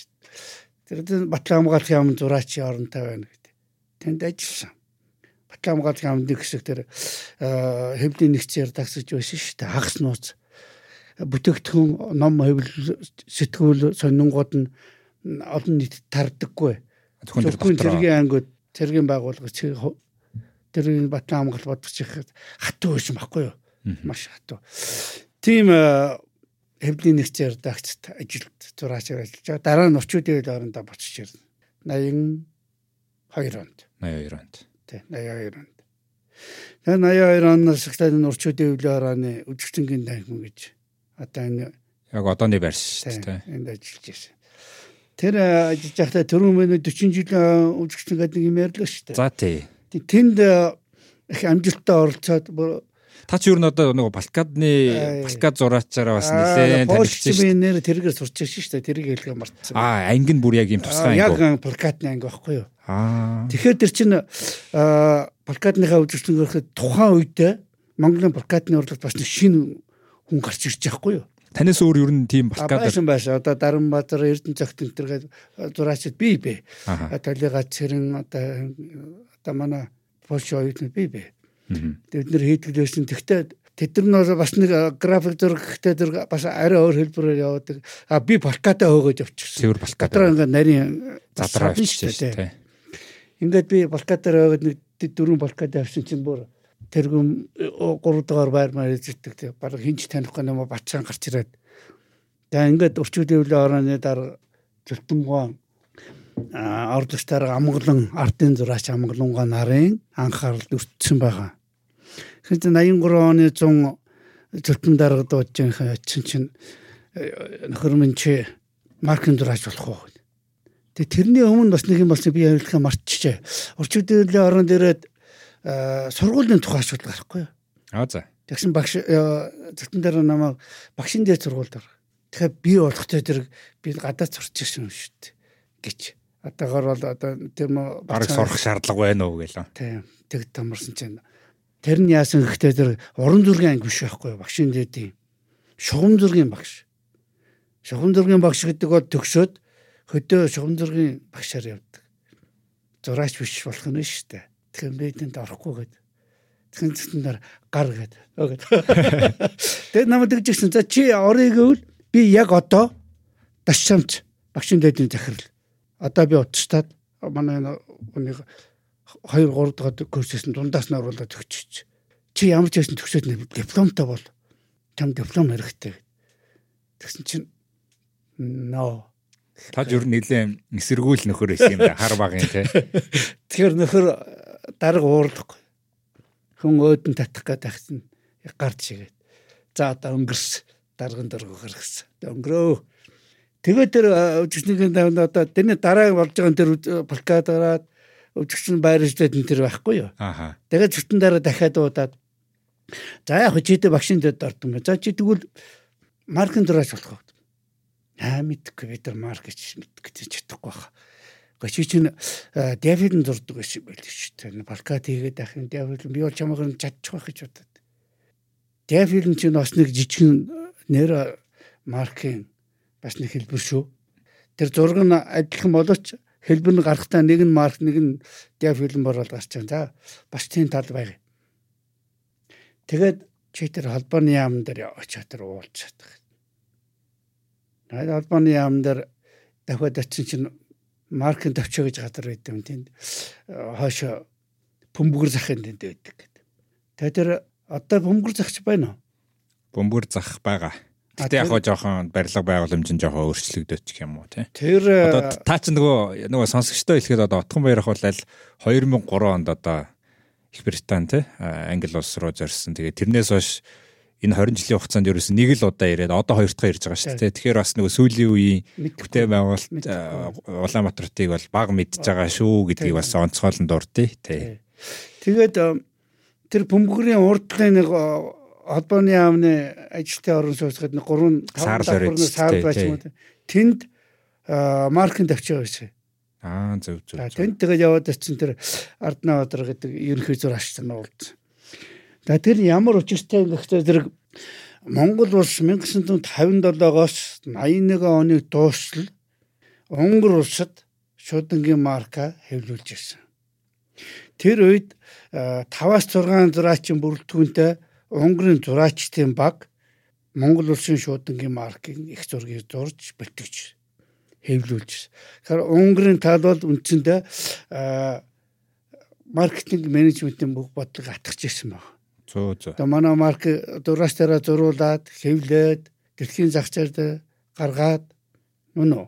Тийм байна. Энэ тодорхой эшгийг манай улсад өгдөг. А манай талаас яадаг вөхтэй зэрэг маркийн зураач гэдэг хүн нь маркийн их зураг бэлтгэх материал их их материалуудыг олж бэлтгэж өгдөг. А Монголын талаас саналаа өгдөг. А Унгарын талаас бол дэлхийн зах маркийн зах зээл дээр менежмент хийж байгаа учраас тэр чинь судалгаа хийж байгаа шүү дээ маркетингийн судалгаа. Тэгээд энэ жил тим сэдвийн марк гаргуул их гүйлгээтэй юм байна. Одоо ийм сэдвээр танад марк гаргаж болох уу гэдэг манай талтай ярилцаа манайх зөвшөөрөөд тэрний дагуу маркийн зураач гэдэг хүн өөрөө зурхаасаа илүүтэй их зургийн одоо түүхийн үед бэлтгэж л өгдөг гэсэн орн.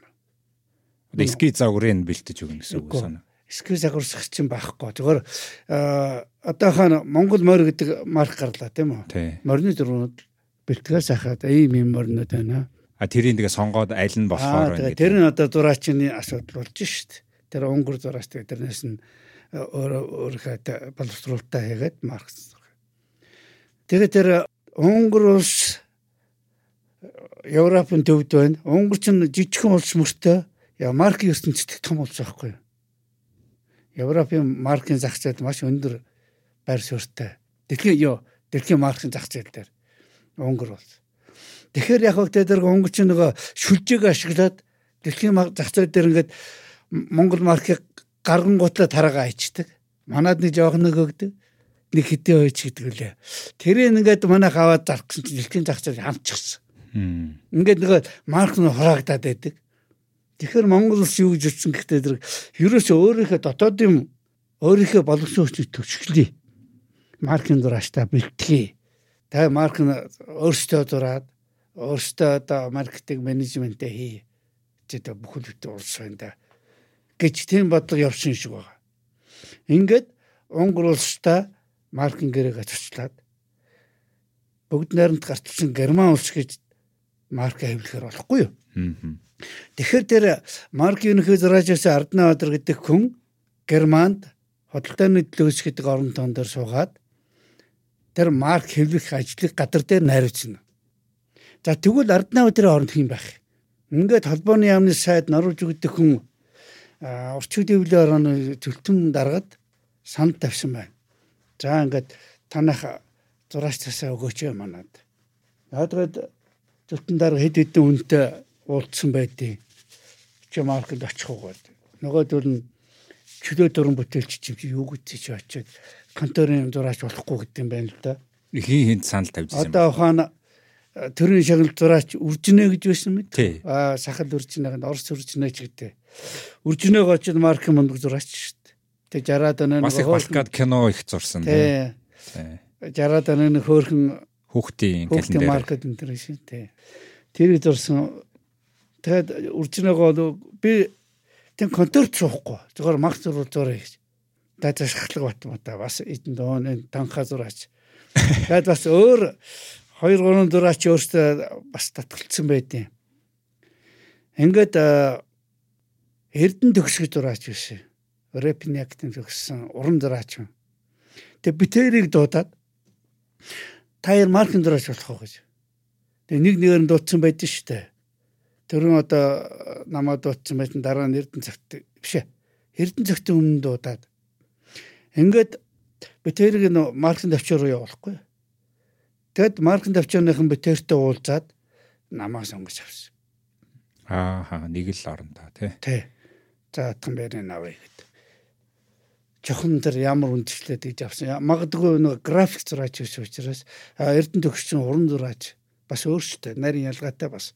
Тэгэхээр маркч өөрөө график зургийн ангилд категорид орж явдаг байхгүй. Тэгэхээр маркетинг зураач болох нь энэ хүн боломжийн юм байна. Аа тэгээд энэ 80 82 3 оноос тэгээд та маркийн зураачилсан биш те. 83 оны 7 дугаар сард одоо яг 40 жил болж. Яг 40 жилийн өмнө би энэ ажлыг гардсан. Тэгээд 7 дугаар сараас 84 оны 1 дугаар сар хүртэл би дадлаг зэх зураач гэдгээр явсан. Тэгээд тухайн удирдлага одоо марк ерөнхий зураачаас арднаа удирч ямар боловсрол тавьсан гэхдээ тэр чи орныхаа хүнийг бэлд. Яг л одоо чиний хийж байгаа ажлыг бариад авч үлдээ цаашд нь явуулах боломжтой. Тим хүнийг чи биднес санал болгоо. Тэгэхээр арднаа өдөр Эрдэнэ төгсөлтөөс намаа сонгож авлаа шүү дээ. Тийм байна. Тэгээд 7 сараас ихтэй дагалдан дадлагын зураач дагалдан биш дадлагын зураач гэдгээр хагас жил ажиллаад тэгээд арднаа өдөр 84 оны 1-р сард Герман улсад маркийн хэвлэлийн төлөөлөгчөөр яваад Залхамжлагчаа олцоод тэгээ явсан биз дээ. а би тэр Монгол маркийн ахлах зураач ерөнхий зураач гэдэг юм дээр нь үлдчихэж байгаа. Тийм байна. Тэгээ ахлах зураач гэд нэрлдэг байшээ. Уг нь бол биш үү? Зүгээр театрын хөдөөний театрын зураачийг ерөнхий зураач гэдэг нь шүү дээ. Тэгэхэд Монгол улсын нэрийн өмнөөс гардаг статустай өндөр статустай зураачийг ахлах зураач гэдэг байхгүй юу? Уул нь юу гэж нэрлэн цохилтойсэн бай тухай үед одоо таны бодлоор. Ерөнхий зураач юм байхгүй. Тий. Яагаад гэвэл яагаад гэвэл тэр зөвхөн өөрөө марс сурахгүй. Одоо минь миндэ гэдэг зураачийн төвхүү зураач ингээд зураачдын маркийг өөрөө марс сурахаас гадна зураачдын маркийг одоо юу гэдэг бүрэлдүүлэх те. Одоо өдөртөгч гэдэг юм уран сайхны өдөртөгч гэдэг юм Тийм. Одоо баруунд бол арт менежер director. директор гэдэг юм тий. Тий. Тэгэхээр ч одоо уран сайхны чиглэл өгнө үг шүү direction гэдэг чинь тийм үү? Тий. Уран сайхны чиглэл өгдөг хүн л дээ. Тэгэхээр ер нь бол шуудангийн төв шуудангийн арт директор гэсэн маркийн арт директор л байсан дээ ер нь бол тий. тий тэгэхээр юу шүү дээ. Орчууд главны художник гэдэг. А хятад уран сайхны удирдагч хүлээтэй. Тийм нэртэй. А баруунд болохоор арт директор гэдэг юм байлээ. Англи мангл чинь. Тэр арт директор гэж Таны утас уу? Оо тийм үү. За тэр би хаач. За. Ингээд ингээд заавчлаараа нэг юм хаач энэ утсыг хаач. Ингэж ярьж болж байна уу? Зүгээрээ дараа нь янзлцсан уу та санаа зов. Тэгээд ажлаа аваад үдсэн. Да тэрнээс хойш а, маш их а, асуудал үүссэн. Би яг тэр Монгол маркийн шилжилтийн үед таарчсан байгаа. Нэг улсаас нөгөө улс руу шилжижсэн шилжилтийн үед яг игжигтэй үед би тэр ажил дээр очисон байдаг. Аа за та энэ талаар цаашаа тодруулаач те. Тий. Тэгэхээр би өөрөө бодохдоо залуу байсан, хөөргөн байсан. Би гоё маркс зурна гэж бодож очисон байхгүй. Тэгэл ерөнхий дураач болон чамаад энэ бэлдэж байгаа аалгаад идэг. За аалгаад. Тэг чухам тэр нь юу юм гэдэг бас сайн мэдгүй. Гоё маркс зурх юм байх гээд. За тэгээд яг нь арднаа өдрийг дагаад дадлах хийгээл явна шүү дээ. Тэгээд яг нь маркийнхаа зургийг галевлит гэж юм байсан мэдгүй. Хэвлэх зохиолыг хянах газар гэдэг уран бүтээлийн бүх одоо Монгол улс даяар хийж байгаа уран бүтээлийн бүх үйл ажиллагааг хянаж яадаг. Хэвлэл мэдээлэл одоо юу хинэн шал хороо юмуд те одоо нөгөө бүх хүмүүсийн бүтээл тэрүүгээр шүүгдэж гардаг. Болохгүй байл дахиж яг Буцаагдал буцаагдал тэгээ эцэст нэг баталж хөрөгдөг байсан гэд те. одоо э, энгийн ярианд главлит гэдэг главлит гэдэг нь оршоор главны литературны юу ч л контролчлол нэг тийм байгаа. Одоо энэ нөгөө э, барилгын талбай ардл байшин нь авсан байсан гэдэг юм бэл шүү те. Энэ чингэлтэй. Тэгээ ер нь одоо бидний үеийн уран бүтээлчтэй одоо тэрийг л ярина. Ааха. Тэр цензур хэцүү. Хэцүү. Яг Уран сайхны хяналт биш. Аа. Уран сайхны хяналт биш. Орчууд дэвлээ ороо тэр маркийг зураг дээр шин юу гэдэг зөвшөөрлөгдөн шүү дээ. Би ингээд одоо мэндээр марк зурулчаад Орчууд дэвлээ орон дээр барьж очино. Орчууд дэвлээ орон уран бүтээлийн элчин даргуугаад орлогчдаар бүтэнж гэдэг хүн байсан. Гавьяатраж бүтэнж. Бүтэнж дарга үзээд болно гэд гар үсэг төрөөд уран сайхны хувьд энэ боловдлоо гэсэн бүтээлийг галилейтээр бол шууд тасчихна тэр байтга холбооны яамны сайд тарин дээр хориг тавьж чадна. Тэгэхээр тэр чинь нөгөө уран сайхан гэдэг юм чи шал утгагүй болчихж байгаа. Та юу төв шууданд ажиллаж байсан гэсэн үг те маркийн зураач гэхээр одоо нэггүй юу? Аа нөгөө түрүүний ярьсан бөмбөрийн тэнд юм байна те. Тий. Тэгэхээр энэ хүмүүс төв шууданг андуураад байдیں۔ Огт өөр. Эн чинь үйлчилгээний байгуул. Аа. Тийм үү? Тийм байна, тийм. Аа тэр маркийн төвчөө гэдэг чинь одоо паблишинг байхгүй юу? Их бэлддэг одоо одоо паблишинг байж та Монгол компаниуд тэр шиг байхгүй их зурга бэлтгэж өгдөг. Ийм өөрчлөлт хүмүүс төв шуудангийн зураач гэж яадаг шал өөр хоёр юм баггүй юу. За энэ ийм маркийн зураачаар тэгээд 4 жил ажиллаад би яасан гэхдээ тэр Монгол шуудангийн марк Монгол өшиг оруулна гэдэг тохиохгүй юу. Монгол гэдэг бол жижиг улс биш хүндрэлттэй дэвхэнд гүнгэнзгээ улмөрөөл дэсэн.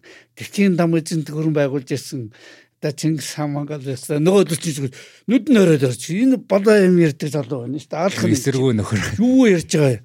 Одоо юу яасан Монгол өшиг мөшөө тэрсэн Монгол өшгөөс үжихгүй шүү. Таг албааш тас хаац. Монгол өчиг те. Баггүй. Бүр за яг өдөр өдөр тутмын хэрэглээнд хэрэгэлдэг хүн байж чинь маркн дээрээ тавиад энэ дэлхийн зах зээл дээр гарна шүү дээ ээ. Монгол улсын за яг дээр нь зүгээр Монгол Монгол гэж одоо Монгол улсгээр биччихээ л да. Дээрэн дээр одоо Монгол улс төрийн далбаан дээр соён байж байгаа шүү дээ. Тэр төрийн далбаан дээр байж байгаа маркн дээр тавьчих яагаад болдгоо бол ингээд хэлэхгүй. Тэгсэн нөгөөд чинь хуг болохгүй болохгүй. Та тэр үед ер нь Монгол бичиг тэгээд би дагаад ч юм уу ямар нэг арга замаар сурцсан байсан гэсэн үг үү? Тийм би өөрөө би тасарсан. Аа. Одоо харин мартчихжээ. Сая энэ дээрээ хүмүүс юм бичих гэж ерөөсө болохгүй байлаа. Мартчихж. Тухайн үед тэр Монгол өсөгчийн сурахыг их дургуйчдаг байсан шүү дээ. Таны нөгөө нэг би юу анзаарсан нөгөө морин жилийн дөрвөөний балкадууд таны гар хэсэг дандаа монгол хич байдаг. За энэ талаар жоохон байж байгаа юм те. Тэгэхээр саяын таны яриаг тасалж. Тэгээд үндэсний үжилтэл бусаар дуудуулдаг шүү дээ. Энэ юусоо болохгүй нөхөр гэнэ. Тэгээд ярьчих сүлдээ болий. Би би зөвхөн би би зөвхөн маркетинг зураач болмоор байна. Би энэ чинь одоо энэ автлах зураач, ерөнхий зураач гэдэг чинь зураач биш үү шүү дээ. Нэг зохицуулдаг менежер маягийн. Одоо арт менежер юм байна шүү дээ, тий? Одоо юу гэдгээ. Үгүй би ийм ажил хиймээргүй байна би зүгээр би зураач болно гэж бодож ирсэн та нар намайг юмор оруулчихсан. Би тэр тухайн үед ойлгосонгүй. Уучлаарай. Одоо би зураач болно. За за. За чи тэгвэл ерөнхий зураач болох хүн олоод ир гэдгийг. Аа. Тэгээ би орчуудын хөлөөрөө дараа бүтэн орлогчдаар гадна уран бүтээл үйлцэн дараа бүтэнж шүү дээ. Бүтэн дарга дээр очиад ийм ийм ийм болоод ингээд ингээд би ер нь энэ ажлыг өгмөр танад нэг ерөнхий зураач болох хүн болоод гэж За чи хэнийг авах юм? Чи хэлгээт гээд. Үржнээгөө гэж. За. Үржнээ чи урд нь очихоор очих одоо юу гэж очиж. Аривсыг авах уу гээд. Гэхдээ аривс ах чинь одоо монументалист зураач хүн дээ. Бүүр тэр хааны том зураг хийдэг хүн шүү дээ. Тэг чинь Марксийн хурун хэмжээний жижиг юм байхгүй. Энд чинь зөрөөтэй дээ. График. За за за яг хожид өөрөө мэд. За тэгэл 2 3 дараачтай ярьлаа асуул аагүй шат тийм хогийн ажил гэж болий ч юм. Чи чиний чиний юу сонссон. Тэр чинь хүн ам чөөхөн байж штэ нутраашт өрөөлж бүр чөөхөн штэ тэгтээ тэр нөгөө утган баяр тийм хэл ам гараад болдгоо ёстой очих хэрэггүй газар очихгүй. Тэгээ тэнд очиж хүн байхгүй. Та тэгээ байжсэн чинь нэг өдөр ариус ахтай гэж орж ирэхгүй бүтэнж намайг явуулаа чамайг марк ерөнхий дараадлага хүн хайгаа явж ирсэн. Би тэр чи хийгээд. Хөө та чи насаараа танхаа явсан дараа чи ажил хийх юм уу? Контор ажил хийх юм уу? Хийхгүй болохгүй рүү. Одоо энэ хитрхийн олон жилийн задгаа явчихтай зэрэг арайс жоохон дампуураад байгаа. Манай зураач чи яг үнэндээ хэлэхэд идж байгаа шүү дээ. Би ч өөрөө тийм л юм байсан. Дампууртлаа идэн уун одоо дарга нартайгаа хэрэлдэхээр ажлын таслаад алга болно, ашигтай алга болно янз бүрийн. Аа. Ер нь энэ зураач зохиолчдын бүтэхгүй гарууд тэгээд энэ дээгүүрээ их дургу. Аа. Тэг энэ хүмүүсийг сайн таньж авахгүй надад ч юу шиш мэдэх хүмүүс. Ингээд болохгүй хүмүүс нь тоонд орчихдаг. Бод яах та хийх гэж бол аваа. Би дуртай юу мэ аав. Заадгаар нөгөө чинь тавхад ирдэ. Яасан гэхээр манер архиуж аваад 111 тарчт. Динжим гоо. Тэгсэн чинь 111-аас орчууд дэвд оронд энэ ариусцараас арга хэмжээ аав гэв. Тэгэхээр авгаа хөөхтөн загнаад чөлөө дөрөн бүтээлч гэдэг чинь одоо задгаал биш үү. Тэгтээ тэр одоо чамаа дээр отхон баярд аавна гэж явж ирмэл ичээтэй шүү оч контрс цагт баригд дэгэн дооргаад авгаа хөөхтөн загнасан. Тэгээд ер одоо би нэр энэ чинь шууд жоох цаглагчгүй болохгүй. Тэгээ за тэг ав ашиг. За би зураачаал нь шүү. Та нар өлтөй бушаа ажиллаад зураг барьж байгаа дэндэнд оч батлуудаг гэдэг ажлыгээр. Энэ төшмөлийн ажил шүү. Зураач биш шүү. Оо яах вэ? Аа тэр муу дарга нартаа чинь ахын зүгээр үзээд өгнө гэхэд. За тэгээд холбооны сайд гэдэг хэцүү хүн байдгийг шүү. Маркын давчааны дарга гэдэг хэцүү хүн байдгийг, галвилит гэдэг нэг айхтар юм байдгийг. За тэрийг таалд авах бах. Манай хүн чинь шинэ дөрөв хүн шүү те. За би арай сурдаад ах шүү. Дийлэхгүй маа. Болиста сүлдө бүр ядаргаанд орж байна дурсан марк гэх байхгүй. Аа баахан зураачийн марк цуглуул ичээшээ барьж өгдөг хүн. Уг нь та бол өөрөө гоё зурмаар байгаа шүү би дээ. зурмаар байдаг. Тэгвэл надад би өдөржингөө гадуур тэр ажил хөдөлж явж байгаад орой шууч марк зурдаг. Аа. Залуу байсан дурдаа читсэн. Тэгэд орой 5 цагт ажил гардаг байсан суугаад шүн 1 2 хүртэл марк зур. Тэгэхээр эндээс бас да. Одоо манай хамтран хөтлөгч Бат Оргил маань бас илүү сэтгэлгээний төлөлийн асуултууд асуудаг л да. Тэгээ өнөөдөр бас үнэтгэх шалтгаанаар амжаагүй. Тэгээ хэрвээ цаачин бас л асуух л ахaltaй иймэрхүү асуултууд. Одоо жишээ нь тухай та бас яг ямар ямар зургуудыг илүү те илүүд ингэж зурхыг хүсэж чинь тухай социализм байсан те.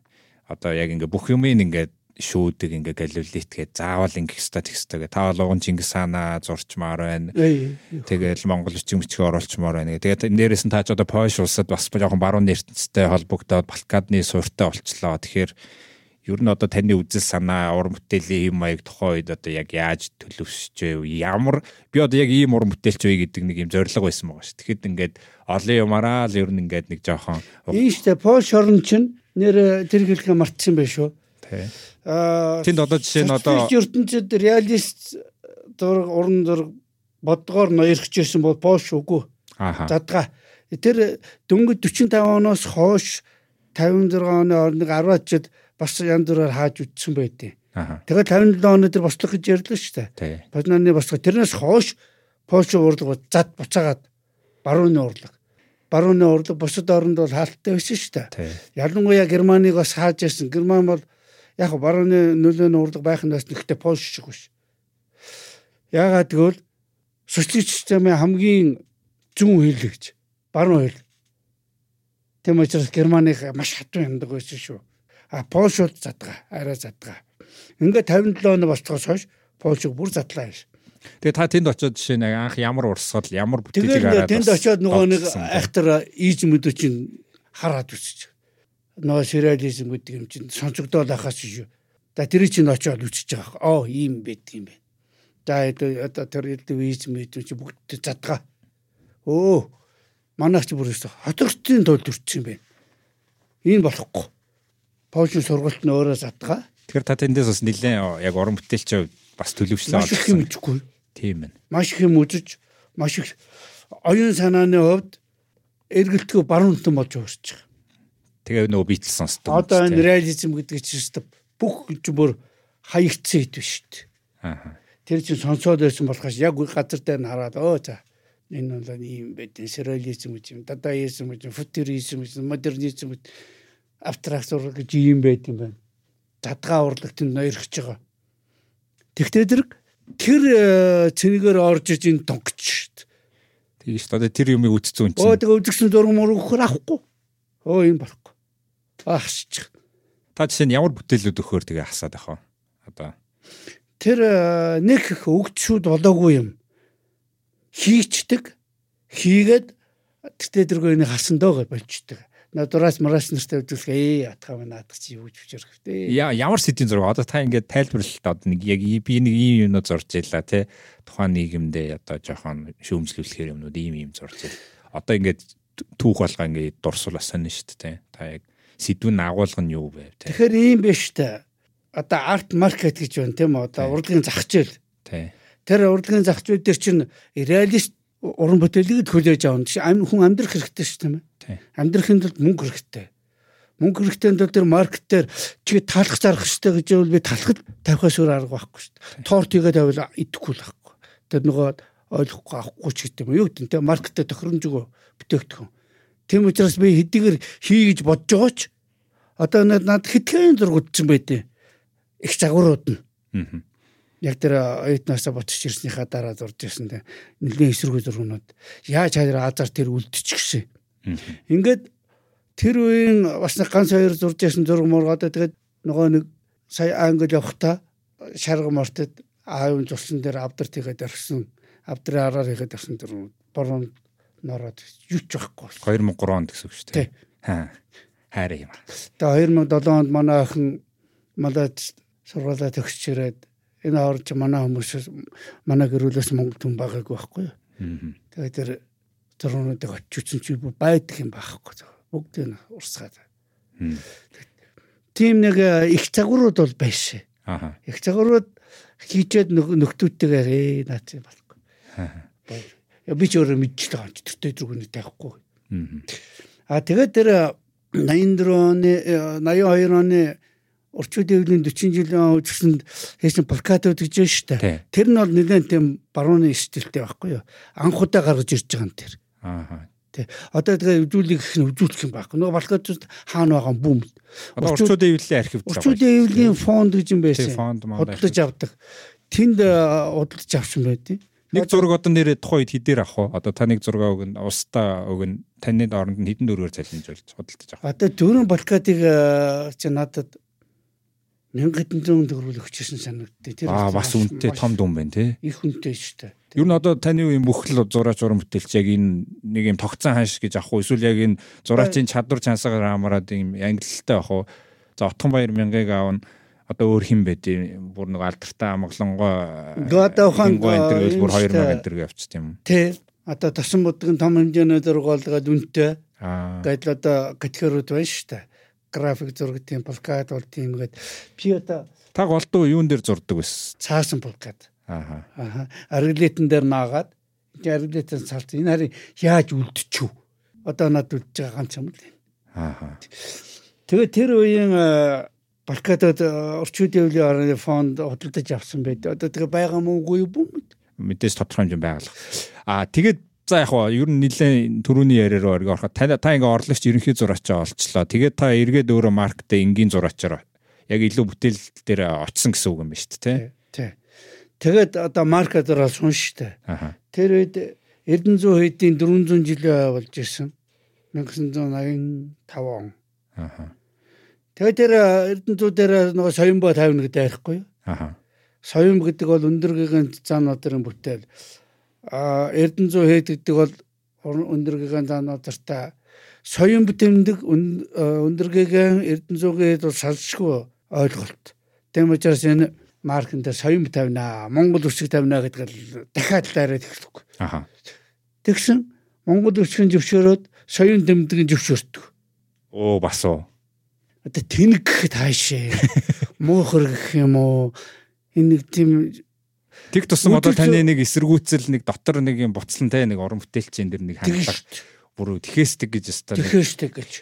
Тэгээд соён дэмдгийн маань асаа ичхтэй дэргэл бүрсэн бүр ур могорч. Мм.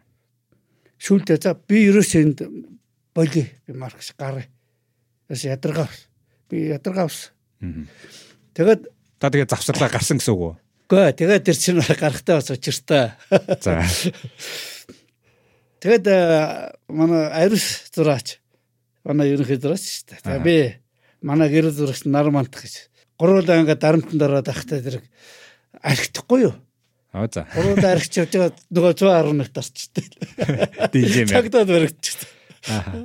Одоо эрүүлжүүлэхэд болохгүй юу? Аа. За бөөн асуудал. Нөгөө ариусгаач нь бол өмнө нь орцсон тэгээд дахиад орцсон. Дахиад орж байхгүй. За за. Талтан. Тэгээ орохтой гурван удаа зэрэг орж байгаа.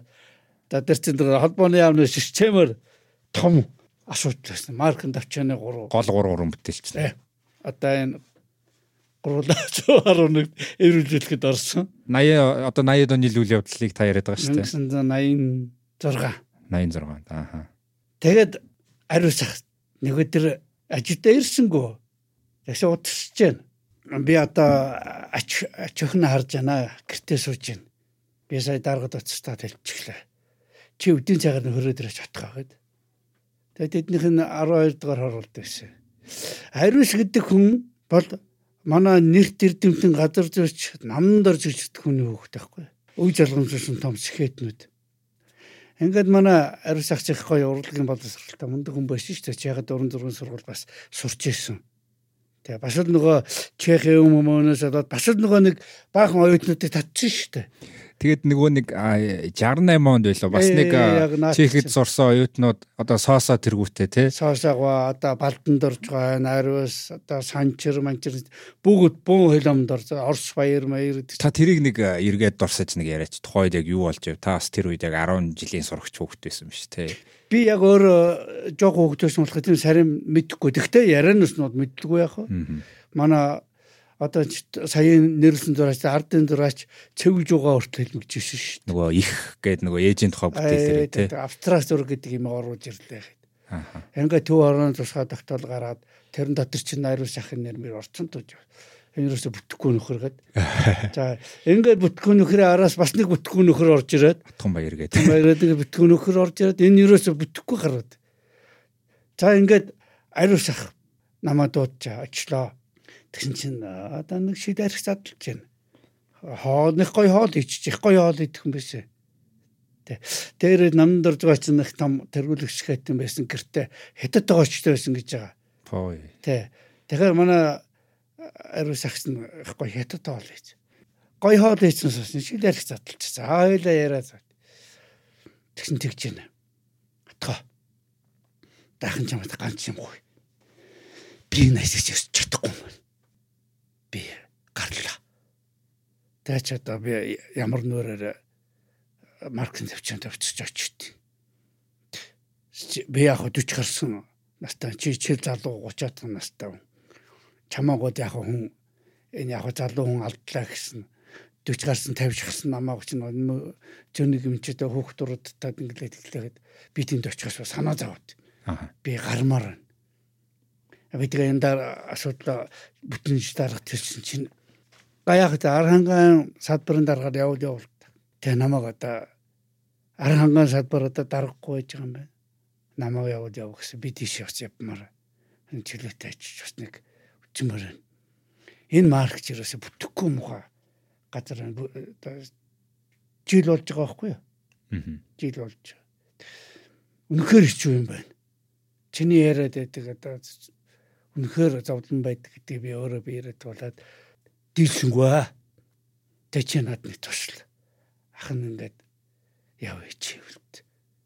Аа тэгэхээр би хэллээ. Та ямар мухан юм? Яг одоо ингээд намайг намайг хайчаа яваад гэсэн. Тэгж ярих юм бол би халагдах хөргөлөө өгсөн байгаа шүү.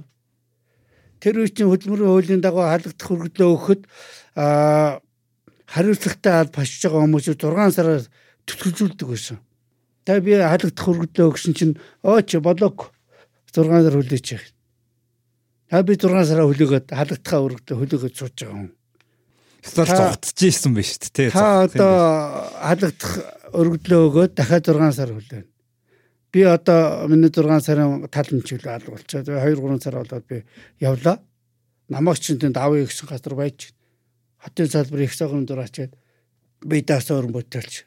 Намайг ч хүн авах гэж та мэдчихлээ. За чи яхтаа тэгж төсөл. Тэгээд нэг юм э, график зураач. Би монументалист зураач. Үнэхээр энэ маркетинг имиж би барахгүй юм байна. Тэгээд за за яах яах би одоо бас таны амьдралыг бодъё дөө. Одоо би тэгэл үүлийн өрөө идэлж та. Тэгээ би буцаад ерөнхийдөө очив. 86-нд тий. Хэдэн хүртэл та юу За тэр чинь 80 ариус маань 85-аас 86 он нэг жил ажилласан. Би тэгээ 86-аас буцаад нөгөө ерөнхийдөө очиж байгаа. Тэгээд нөгөө гар нэгс өргөдлөө өгсөн байсан хүн чинь нөгөө дарга сайд нар чинь бас цагаараа дарга ариустай тохирсон байгаа. Тэр хоёр чинь нэг үе хоёр. Тэгээ ариус болохтой тэр даргатай чи гэж харцдаг. Манай ах цэг гоё шүү Аха. Алма дарга шатаж битэж чи одоо юм битээ хуцаатай гэж. Тэгээ нөгөө дарга нь болохтой тэр бошуухан ариушаас салахын төс. Тэгээд а, тэр нөхдөө тэр цаагаараа яриад тэгэхээр нөгөө дарга бол за дүү чи явуул яв. Харин чи отхаах үлдэхэр. Наатхаа үлдэх. За тэрийг харин чи ариуц гэсэн юм байгаа шүү. Тэгээд би за та нар их мохон хүмүүс аха та. Та даргатай ярьсан байх шүү. Та дарга намайг чи бай чи чи чи ариуц тэртээ дэргөө энэ марк хүн биш. Нэрэ тэр монументал гэж октор юм байлээ. Надад тэг самсраад эхэлтээ. Тэгсэн ариун сахтайгаа гуйдээ. За за за яах вэ? Тэгтээ яах би дарагтай ингэ тохирохгүй юу. За яах би ариун сахыг бодоод бас энэ улсын алба байна. Бас хэдийгээр одоо биднээс хоорондоо зөрчилтэй хэдийгээр би энэ ажилт үнэнхээр дургу боловч болшуу улсын эрх хэсэг гэж бас нэг юм би. За яах тэр би өөрөөгөө солиулчих би энэ чинь хийя. Гэхдээ би удахгүй шүү. Би өөрийнхөө орны хүнийг олж өгөл гарна шүү. Та ер нь тэр үед ер нь юу төлөвлөж исэн бэ? Одоо ямар Би зөв чөлөө дүрэн бүтээлч ааха. хотын салбарын их загварын зураг гэсэн нөгөө годны балкад малкад зураг их загварын зураг сууж идэг. Гэрээ л гон гой зурмаар. гэрээрээ зураад гэрээрээ зураад уран бүтээлээ чөлөө дүрэн бүтээлж болох гээд байдаг. Гэртээ суугаад цалингаа аваад яг хийсэн уран бүтээлээ өндөөлөө цалингаа аваад чөлөөтэй Тэр үед та нөгөө нүүгэд хаана амьдарч исэн үе вэ? Тэр чинь 200 88 онд орон байрны асуудлаас болоод манай дүү Москва төвдөндөө зургуул төгсч ирэхдээ хоёр хүүхэдтэй болоод ирэхгүй юу. Ааха. Тэгээд нэг а, хадмих а, хадмих нэг байранд орохгоо тэр нь хүлээгдээд ингээд бид нэр гурван өрөө байранд гурван айл байхгүй аав ээж нэг өрөөнд манай дүүгийнх нэг өрөөнд би хоёр хүүхэдтэйгээ нэг өрөөнд ингээд бужигнсоо олуулаад нэг хэсэг амьдэрсэн. Тэгжээт л ээж юм би муудаад. Яг тэр одоо манай эхнэрийн нөхөр цэргийн хүн байдیں۔ Би яг өмнөд амьдэрдэг. Эрдэнэ төрөө томилогдсон байна. Альбан тушаал ахаад цэргийн хүмүүс ч ингээл томилогдоод явдаг шүү дээ. Тийм тийм тийм. Тэр Эрдэнэтийн дивизийн ивчлэг их том болоо явсан. Тэгэхээр тэр хооронд байрын бид харж үлдэх зорилгоор нэгдэг. Хоёрдугаарт одоо тэр олуулаа нэг байранд амьдарч ээж бан би муудаад тэгэхэд аргагүй хин биокомбинатор өнөөсөн. Тэгээ биокомбинатоос ажиллаж явна гэдэг бүтэхгүй шүү дээ. Тэгээд яасан. Аа та нэг морин жилийн үеэр биокоммент хийсэн тийм. чөлөөт уран бүтээж болох гээд зүтгээд байдгийн учир тэр л байхгүй. Тийм байна. Тэр Тийм. чи яг нөө хотын салбарын их зургийн зураг гэртээ 6 зарчаа 7 хоногт ганц удаа ажилтаар ярина. Тэнд чиглэл завраа авна эсвэл ажил уран бүтээлээ хүлээж өгөн ч гэдэг юм уу тийм ажиллаа 7 хоног нэг л удаа. Их тохиромжтой гоё. Энэ бол 88 онд болсон. Тэр марханс арай хойно. Ингээд би 87 оны дуусгаад яг 12 дуусаа дуусгаад би өөрийнхөө оронд зураач урт насан гэж Монгол зургийн зураач бай. Тэр хүний 30 дэвлийн ороноос Томилуулаад. томилуулаад өшөө асахгүйгаад нөгөө чи бас арх хөөж аваад юунд орчит. Бас нөгөө эрүүлж өчгтөр. Тэнд ч баг орчуудын эвдлийн тусгай баг өрөө исэн юм шүү те. Тэгээд би чи урд нь э, уртаа гойгаал авах чи миний оронд ирээд ирсэн. Миний орд нөгөө ч өөгөө өөгөө очихгүй. Юу тэгэж энэ гоё чөлөөтэй уран бүтээл гэдэг тэг чи чиний тэр төшмөлийн ажлыг авт. Болохгүй болохгүй гэдээ болдгоо. Тэгжэт нэг өдөр дахиад ороод иртээ. За ярилаа. Яг ариус шиг давтагцсан шүү дээ. Яа. Тэгээд би нөгөөдгөө өгөөд хаяа лаадаг болж өгсөн. Тэгээ бөөн баяр. За ярьсан. Энэ нэг том ажиллаач салах минь. Тэгээ ер нь Балкад руу орсон Тэгээ гэсэн. балкад руу. Одоо э, би эндээс асуух гал энэ л да. а Монгол графика гэдэг нөгөө Дэ Мадргуан бас нэг олон бүтээлүүдийн дунд нэг ном байдсан шүү дээ зураасан зургийн тухай Монгол Орос хэл дээр. Тэр ч одоо 86 оны ном юм Москвад хийвсэн гэдэг. Одоо энэ хуучин ном мамаар байдаг. Надад бас байдаг. А тэрний одоо яг өмнөх үг те одоо тэр одоо дүрслэл хурлын түүхийг өгүүлсэн хэсгээр бол одоо олон уран бүтээлчийн нэрийг дурдсан байдаг л та. Тэгээд тэрийг ингээ олон уншаал явж байгаа гот яг тэ отхон баярыг гараад ирдэг байхгүй За сүүлийн үеийн залуу уран бүтээлч дотроос энэ Нотхон баярыг бас нэлээд онцлоо ш та тий. Ингээд циркийн бас хид хидийн балка зурсан тэр тэргээд ингээд дурдсан байдیں۔ Тэгээд тэндээс харахад ч тэр тэгээ сая бас нэг хэдэн жилийн өмнө гарсан урчуудын эвлэлийн каталог номыг харахад балкадны хэсгүүд дээр бас олон уран бүтээлчийн балкаднууд байна. За тэгээ тэрийг харахаар яг нөгөө тухайн цаг үеийн нөгөө дэлхийн их тайван цөмийн дайны эсрэг гэдэг нэг үзэл санааны бүтээлүүд дотор таны бас нэг 5 6 бүтээлүүд байсан.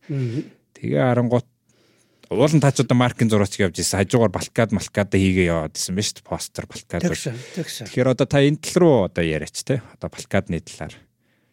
Балкад нь өөрөө миний угаасаа мэрэгжил мэрэгжил юм чинь би тэрлэгөө явна дээ. Тэгээд амьдрахын тулд тэрүүч яасан тэр арт маркеттэй зориулаад талхаа хийдэг л байхгүй. Тухайн үеийн үжир зурдал тохирсон Америкийн империализм сүндэг зөвл талууд бас мантаг байгаа зураг шүү дээ. Аа. Уулын та бол дотроо эсрэг байж шүү дээ. Өстө хурцл байхгүй. Мөнгөний хадлаа ялчгүй те.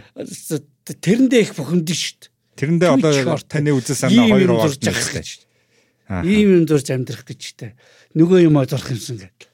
Тэгээ бухимдахаар уулзгаан те. Тэгээ яг гэртээ скиз мскиз хийгээс нөгөө болдгоо одоо энэ морин жилийн төвөргөний чинь дотроо бодоол яваад ирсэн байгаа байхгүй.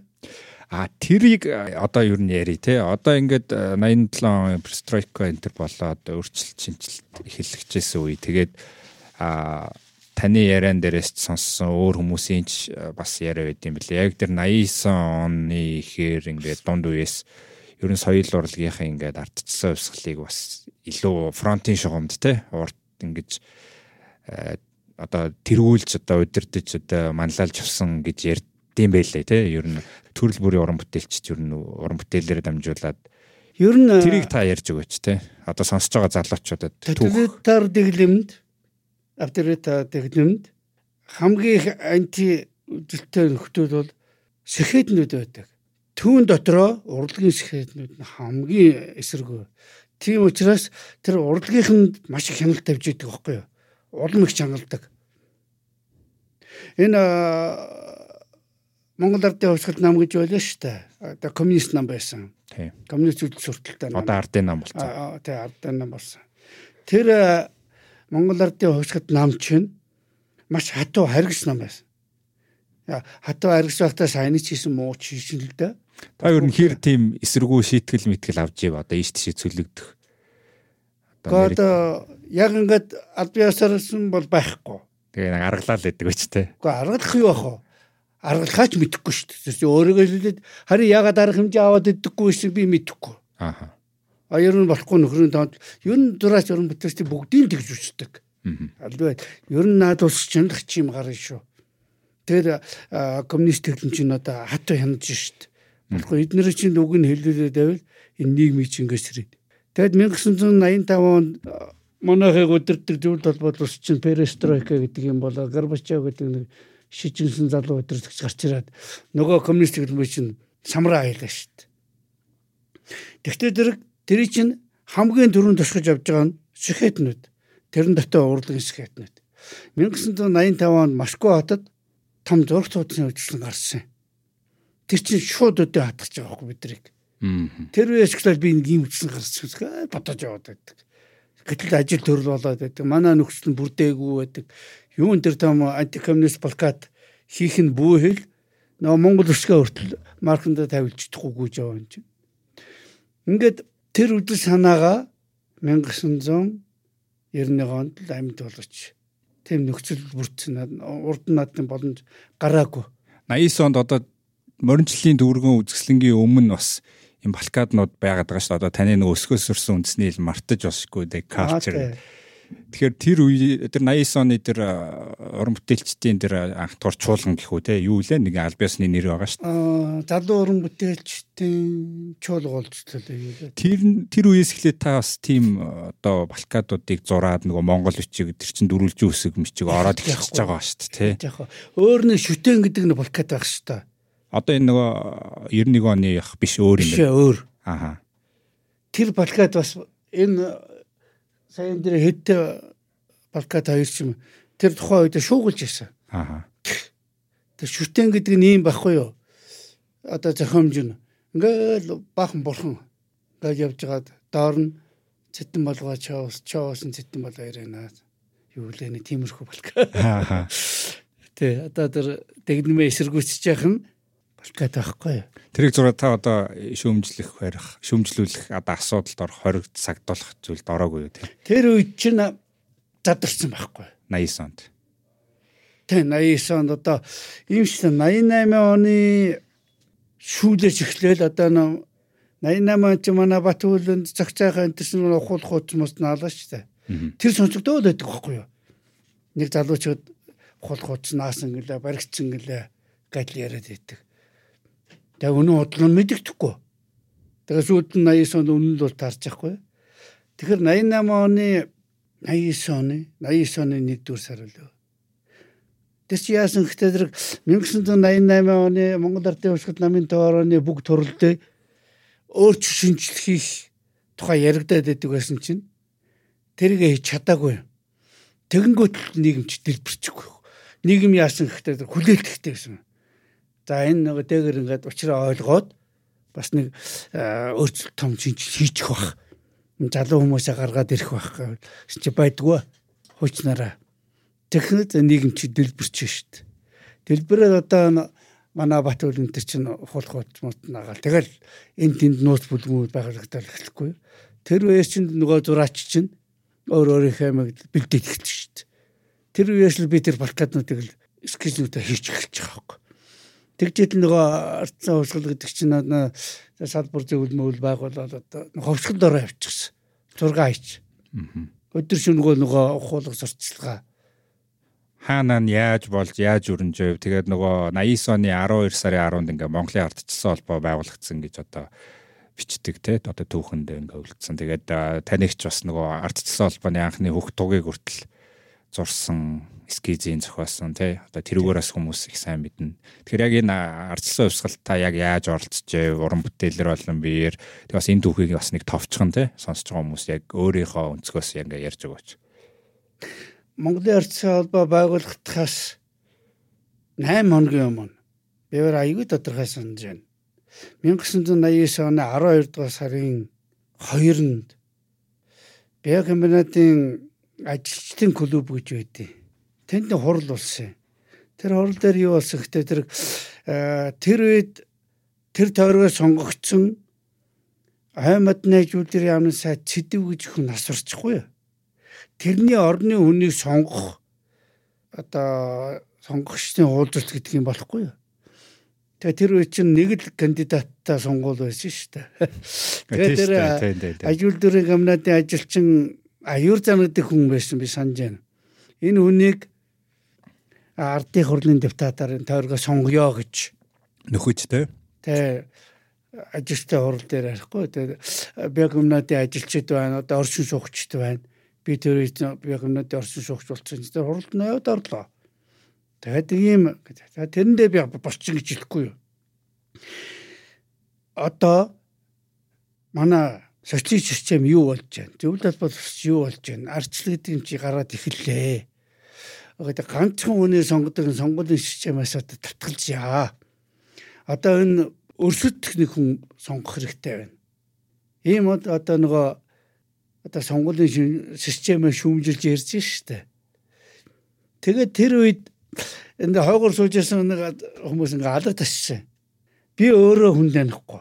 Яагаад гэвэл тэдэнд очиод удаагүй байсан. Жил жолоогүй байсан баг шүү.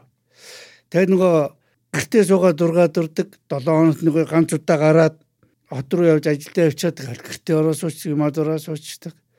тэр бегомнодын тусахнаар хөлгөөд хүн амттай танилцаад байх тийм цаг завч гэж байхгүй. Сонирхолж байхгүй. Сонирхолж байхгүй.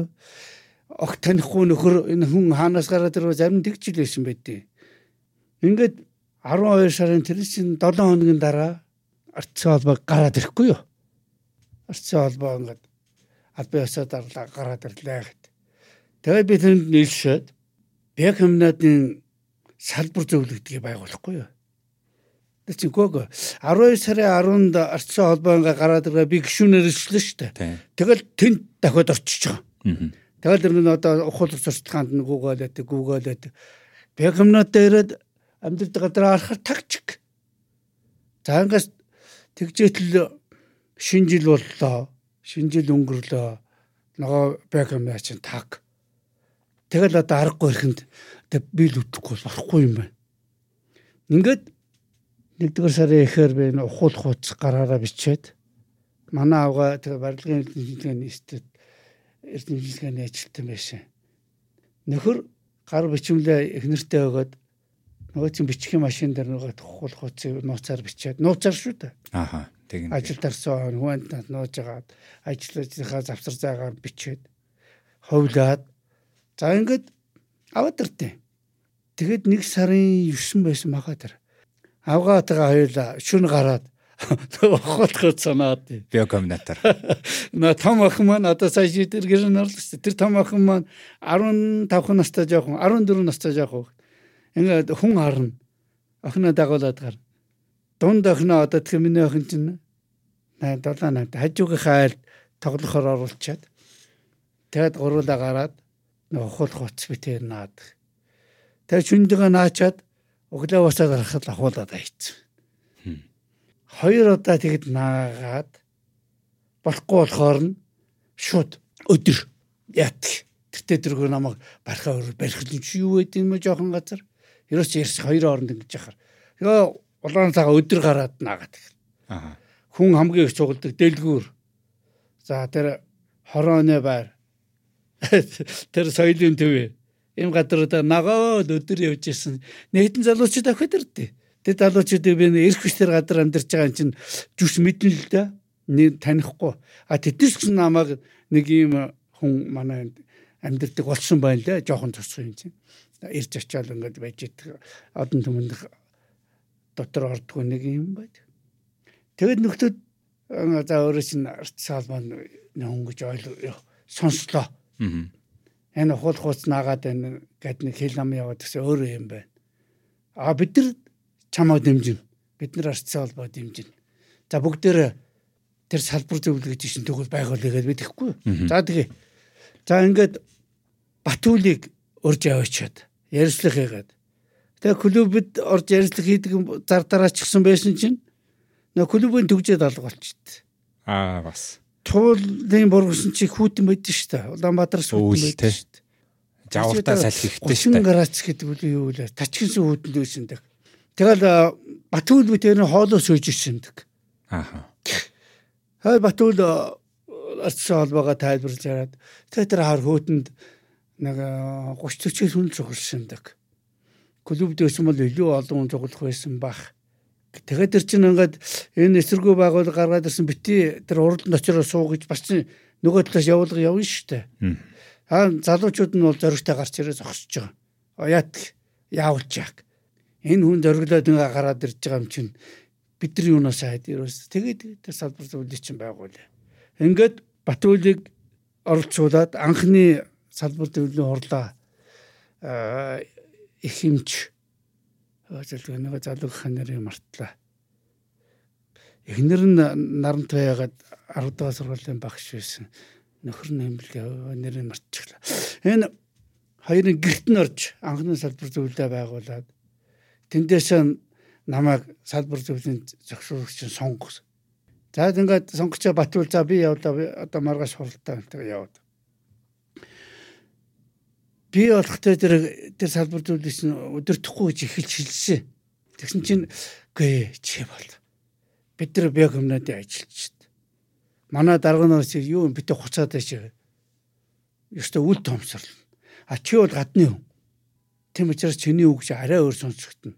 Тэгээд чи ихэлсэн хүн. Ихэрснээ дуусчих. За тэгвэл нэг юм тохироод. Би тодорхой хугацааны дараа энэ ажил чи өгнө шүү. Та нар нэг нь надаас авна шүү. Тэм тохиролцоотойгоор авал э, хэвэл хий. Яагаад гэвэл маргааш өглөө нь яг өмнөдийн намын ороонд тулгын шаардах бичиг гэж юм гардуулж өгөх гээд. Аа. Тэрийг одоо чи туг болж болж орохгүй бол туг барьж орохгүй юм бол биднийг ёстой нэг үйл тоон хуцлаг дарганаар бол. Тийм учраас чи тэгч нэг хэсэг хугацаа за тгий дараа нь одоо асуудал яах нь ямар болох нь Тэгээ та хэр удаа үргэлжлүүлсэн? Одоо нөгөө талбай дээр чи өсөглөн жагсаар цуглаан болж байгаа. Тэр ий чин дуусгаад арчин холбооны их хурл гэж болж байгаа шүү дээ. Үйлчлэн болж байгаа. Тэгээд янз бүрийн арга хэмжээнүүд болоод ингээ явж ирсэн. 1990 оны 5 дугаар сард Монголын ардчсан холбоог аль биесээр хүлээн зөвшөөрөөд бүр байр сууцыг олгоод банкны дансын найгаад Одоо энэ байранд байсан 11 дугаар. Одоо энэ тий. Тэр чинь хуучин соёлын яамны байр байсан. Аа, тийм үү. Тэрийг ардсан холбоонд өгсөн. Ингээд албасны байгууллагад зориг гарын өсөг дурдаг, Батүр гарын өсөг дурдаг юм. Банк данс монстал боллоо шүү дээ. Тэгээ нөгөө 5 сард ч улс төрийн олон намын тогтолцоонд ороод намууд ээлж ээлжээр бүртгүүлсэн шүү дээ. Аа, яг одоо ингээ бүх юм нэртэй. За одоо болоо. Одоо энийг аав. Үүргээ хийчлээ шүү дээ. Үүргээ биелүүллээ. Та нарыг би зураач би уран бүтээлээ юм. Одоо ингээд та бол чөлөөт одоо үзэл санаа ямар нэгэн цензуургүй болоод айгу баяртай л байсан. Би одоо уран бүтээлч юм одоо уран бүтээлээ хиймээр байна. Би нэг юм плакатны үдгсэн бэлдэж जैन тэрийгэ зурмаар байна. За тэгвэл морин жилийн төвөргөөний яриаар орё. Одоо морин жилийн төвөргөө яаж эхлэв, санаа нь яаж гарав. Тэгээд 90 онд бол хийгдэж амжаагүй шүү дээ. Тэгээ яг одоо ингээд морин жилийн төвөргөөнийг ингээ харахаар их сонин те. Тэр одоо 12 жилээс очиж очиж яг тэр цагаан морин жилийн хувьсгал буюу одоо монголчуудын дээлдэг яг моринж таарсан байдаг. Тэгээ одоо жишээ нэг ухаандаа нэг хулган юм уу луу юм уу бич таарсан болвол одоо тэгээ тэр зургийг чинь ингэж дүрснэ гэдэг аяа хэцүү ээ тий. Тэгэхээр энэ тэрнээс өмнө нэг юм ярьчих уу. За тэг. 1990 оны ардын хурлын анх дугаар чөлөөт сонгуул гэд нэрлэж байгаа. Чөлөөт ардсан сонгуул. За тэгсэн манай нэр тойрогт нэр дэвшиж гарч ирнэ да. За тэгэл нөгөөдөөс бид нар чинь хоорондоо ярьж эхэлж байгаа. Тэрийг дэвшүүлээ, энийг дэвшүүлээ гэдэг. Тэгсэн нэг хэсэг маань Батүлийг дэвшүүлээ гэдэг. Танаа байсан. Тий. Батүл манай арчин салбар зүйлээ байгуулсан. Батүлийгээд эндээс гаргачих. А зарим нь болохоор тэр манай арчин салбарын ерөнхий зохицуулалт зөвлөлийн гишүүн зураач хайнзангийн зэгмэдийг гаргая. Хайнзангийн зэгмэд одоо бэк юмнатын хүргэн За тэд болж байна. За эсвэл ардчлал холбооны анхны гişүүдээ нэг морин компани захирал тунгалгыг гаргая эрэхтэй. За зарим нь намайг за чи өөрөө чи өөрөө нэр дэвш. Одоо жинхэнэ ардчлалын хэлбэрт орж байгаа биз. За ингээ 4 5 нэр дэвшиж гарч ир. За би энэ татгалцлаа. Үгүй ээ. Одоо болох шүү. Би энэ салбарлуулж чинь та нар дугаа суугаад хаш би аргагүй ихэнд их л өсө. Одоо болоо би уран бүтээлч уран бүтээл ингээ болооч найз нараа би нууц төр гэдэг юм бас. Над жоохгүй би айгүй та нартаас тарахгүй. Би явлаа. Үгүй үгүй үгүй. Байж байж. Сонгуул тусах үгүй. Яагаад үгүй гэсэн гэстэй зэрэг. Батүлийг нэр дэвшүүлнэ гэсэн хүмүүс нь дийлэнх олон болчоо би бол татгалчихгүй. Болохгүй. Энэ чи хөлдөө газар байна. Би юмнад хамгийн аюултай нь юу гэсэн гэхтэй зэрэг. Та цонгны цэргийн ангууд шүү дээ. Тий. Цэргийн ангуудыг цэргүүдийг жагсааж ирж байгаа санд өгнө. Тэд одоо Бягнадын сонгогч хичнээн одоо 1000 гаруй хүн л байсан баг шүү. Тэр 1000 гаруй хүн чинь тал нь хувьсгал намдаа өгнө. Тэгээ дээр нь цэргийн ангийнхан орж Батүлийг нь дунгаана. Та нар яагаад Батүлийг нь унгах гэж унгах газар навчраад байгаа. Батүл нутагтаа нэр дэвшээ шууд гарах гэж байна. Аавынх нь нут. Хинтээ амгаас тий. А? Хинтээ амгаас тий. Хинтээ ямар үлдсэн бэ? Батүлийг хөрөөд ирээч 100% гаргаад өгөө. Та нар яагаад энэ ийм аюултай гадар Батүлийг очиж унгах гэдэг. Нүгөө би зөвшөөрөхгүй. Тэгээд энэ салбар зүрх зохицуулагч би огцорлоо явлаа. Тэр үед хужиртын гарсаас үл нэг том ажил болчихгүй юу. Одоогохор бол би тэр багийн менежер юм байна шүү дээ. Юу гэдэг. Тэгээд тэр бага ахлаад би амьдралаа хөмөр өгдөг. Аа. Улс төрөөс гармаар байдаг одоо та нар би энэ Батүлийг энд ялагдахыг харахыг хүсэхгүй байна. Яг яаж сонгогдсон сонгогдсон үгүй түүх. Гэхдээ салбар зөвлөх чинь хуралдаад санд хураан штэ. Аха. Одоо 30 40 50 ачуулаа суугаад. За гараар өргөцгөө. Тэгвэл одоо эхлээд нэрээ татахгүй юу бэ? За би болъё гэд. За зарим нь нэрээс хаанзангийн зэгмүүдийг болъё. За ингээд ингээд тунцаар агаад Батүл дээр маргаан гараад Батүл хайнзангийн зэгмээр аль нь аль нь аль нь гэж жаад сан дураасан чи Батүл дээр оноо болчихгүй. Тэгээ би ялагчж. За гэхдээ ардчлалын зарчим байна. Нэгэнт олонхын саналаар Батүлийг нэр дэвшүүлнэ гэж байгаа бол болно. Тэгээ дэвшүүлээ. Гэхдээ хариуцлагын та нар үлэн шүү. Энэ маш эрсдэлтэй газар шүү. Одоо Батүлийн эсрэг ховсгод нам хамгийн хүчтэй хүнээ тавина. Тэр хүн 50% сандастаас шууд авна. Хамгийн муугар утгах. Нэг хэсэг хоосон за үлдэнэ. Гиснес нэг ийм яриад ихтэй сая Батулгыг одоо яг энэ ер нь одоо энэ Польш нөгөө бусад зүүн Европын улсуудыг хараад тахад ардчлалын ясны дараа хамгийн түрүүнд энэ коммунист намаа татан болгосон гэж ярьдаг шүү дээ. Тэгэхэд нөгөө Монголч гэсэн яг энэ ардчлалын дараа одоо Монгол ард тусгалт намайг татан болгох тий юм боломжтой байсан Батулгоо бол ингээд баг арчсан зарчмаараа үлдээсэн ч гэдэг юм нэг тиймэрхүү ярианууд яваад идэг штэ. Ер нь тэрэнд бол ингэсэн штэ. Тэр үеийн социалист системийн бүхэлд нь одоо 14 5 орн байсан штэ. Коммунист намууд удирдах байсан штэ. Тэгээ зүүн Европод гарсан ховшгодлоор чинь одоо Польш Польш ажилтны нэгдсэн нам гэж үсэн. Коммунист нам. Германис арц ямар арчсан нам ч үлээ.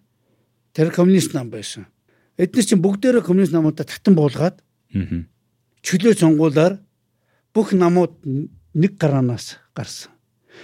Хэрв 90 онд Монгол Ардын хувьсгалт намыг татан буулгаад бүх намууд нэг гараанаас гарсан бол өнөөдрийн Монголын нийгмийн байдал өөр байх шүү. Тэнд манай ардчлагчдын хийсэн маш том алдаа. Монгол Ардын хувьсгалт намыг татан буулгахгүй болохгүй шүү гэдгийг зүүн Европын орнууд хэлээд байна. Практик туслага юм байна. Боломж бол байсан юм байна шүү дээ. Байсан. Ааха. Гэтэл тэрэн дээр арч намын удирдлага хагарчихгүй. Хей. Ардсан холбооны удирдлага хагарчихгүй. Аа. Зарим нь болохоор авч үлдэнэ гээд. Энэ авсгалт намгууг бол бас болохгүй гээд. Зарим нь болох тэр энийг арч чайнгаад санд хуваагдаад. Тэгээ авсгалт намыг одоо авсгалт нам цаанаас нь зүгээр суугаад авахгүй шүү дээ.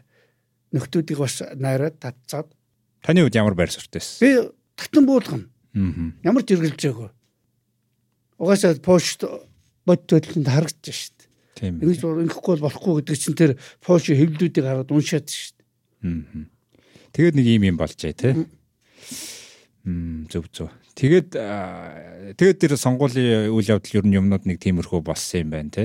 Тэрэн дээр та би одоо яриа тасалж байж магадгүй гүцээгээ та яриул те. Тэгээ морин жилийн төвөргөнөр бол ормоор байна морин жилийн төвөргөөний чинь хийхин тулд тэр хөвсгөлөөс гарах хэвээр. Тэр хөвсгөлөөс гараад амьдрах хэвээр. Би мөнгө олж ирэх хэвээр шүү дээ. Тий. Тэгээд би ерөөсө төр хэлдэг чи би Батүлөө энэ дуунхаа харахыг хүсэхгүй байгаа би хужиртөр нөгөө бага авч яваа тэнд мөнгө хийсэн, ажил хийсэн. Миний хувьд ингээд ус төрөөс гарч байгаа байхгүй. Тэгсэн чинь Бэкомнод болсон сонгуул дээр овцгалт нам Батүлийн эсрэг жасруугаа тавьж байгаа. Жасруугаа гэдэг чинь хувьсгалын том фигүр шүү дээ. За би танарт хэлсэн шүү дээ. Ийм аюул болноо гэд. Одоо харж байгаараа Батүл унна. Тэгсэн нэрээ сонгуул болсон чинь санал хаваагч. Аль аль нь 50% саналж чацдаг. Ингээд дахин сонгуул явуулах. Дахин сонгуул болох тэ зэрэг ардчилсан нам холбооч хам хүчээ тийш наяхгүй. Арай ээж Батүл 51 гэлүү 52-аар арай сонгогдохгүй юу. Аа. Тэгээд би нөгөөдөлтөйгөө муудалцаад ерөөсөө тэгээд миний хувьд арцлаас. Тэгтээ би арцлт би уран бүтээлээрээ зүтгэн. Тэр нэр нэг юм ярих юм биш. Арчсын холбооны анх дугаарыг хурал болохгүй бичгэнэ шүү дээ. Тэгэхэд тэр арчсын холбоо анх үүсэж явах үед л би нэг тийм тугтай болох хэрэгтэй байна гэж бодоод байхгүй юу. Аа. Яагаад гэвэл Польшийн солидарность чинь шүү дээ. Тий, тий. Солидарность гэж бичсэн тугтаа. А Чехийн иргэний хөдөлгөөн, Германы юу ч үлээ ингээд бүгдээрээ юм тугтаа. Тэгэхээр энэ хөвчлөлийн талбай хэрэгтэй юм байна. Гэт нэг их загвар танилцуулсан чинь бас олонхын санал хураагдаад ингээд миний анх аргасан санаа маань өөрчлөгдөд өөрчлөгдсөөр байгаад одоогийн энэ хөх төгөн дээрх соён бүлдэхгүй. Ааха.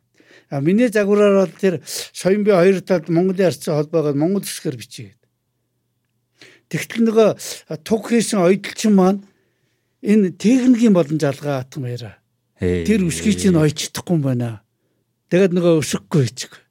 Тэгсэн чинь явсаар хагаад нөгөө миний анхны их загвар явсаар хагаад 1911 оны Монголын биш 1915 онд Хягтын хэлцээрт Монголын талын төлөөлөгчийн барьж ирсэн тэр хөхтөг болж өөрөхгүй юу? Санаа нь давхцсан гэсэн үг үү? Явсаар хагаад тэгээд одоо би чин тэр соён бие оронд одоо юу эв нэгдлийг бэлэгцэн очирт зорхгүй юу. Аха. Тэгээд хоёр талаар нь Монголын арц салбаа гэж. Тэгсэн чинь нөгөө их хурлын чуулганы хурал дээр их хурлд бэлтгэх чуулган гэж болж ирсэн.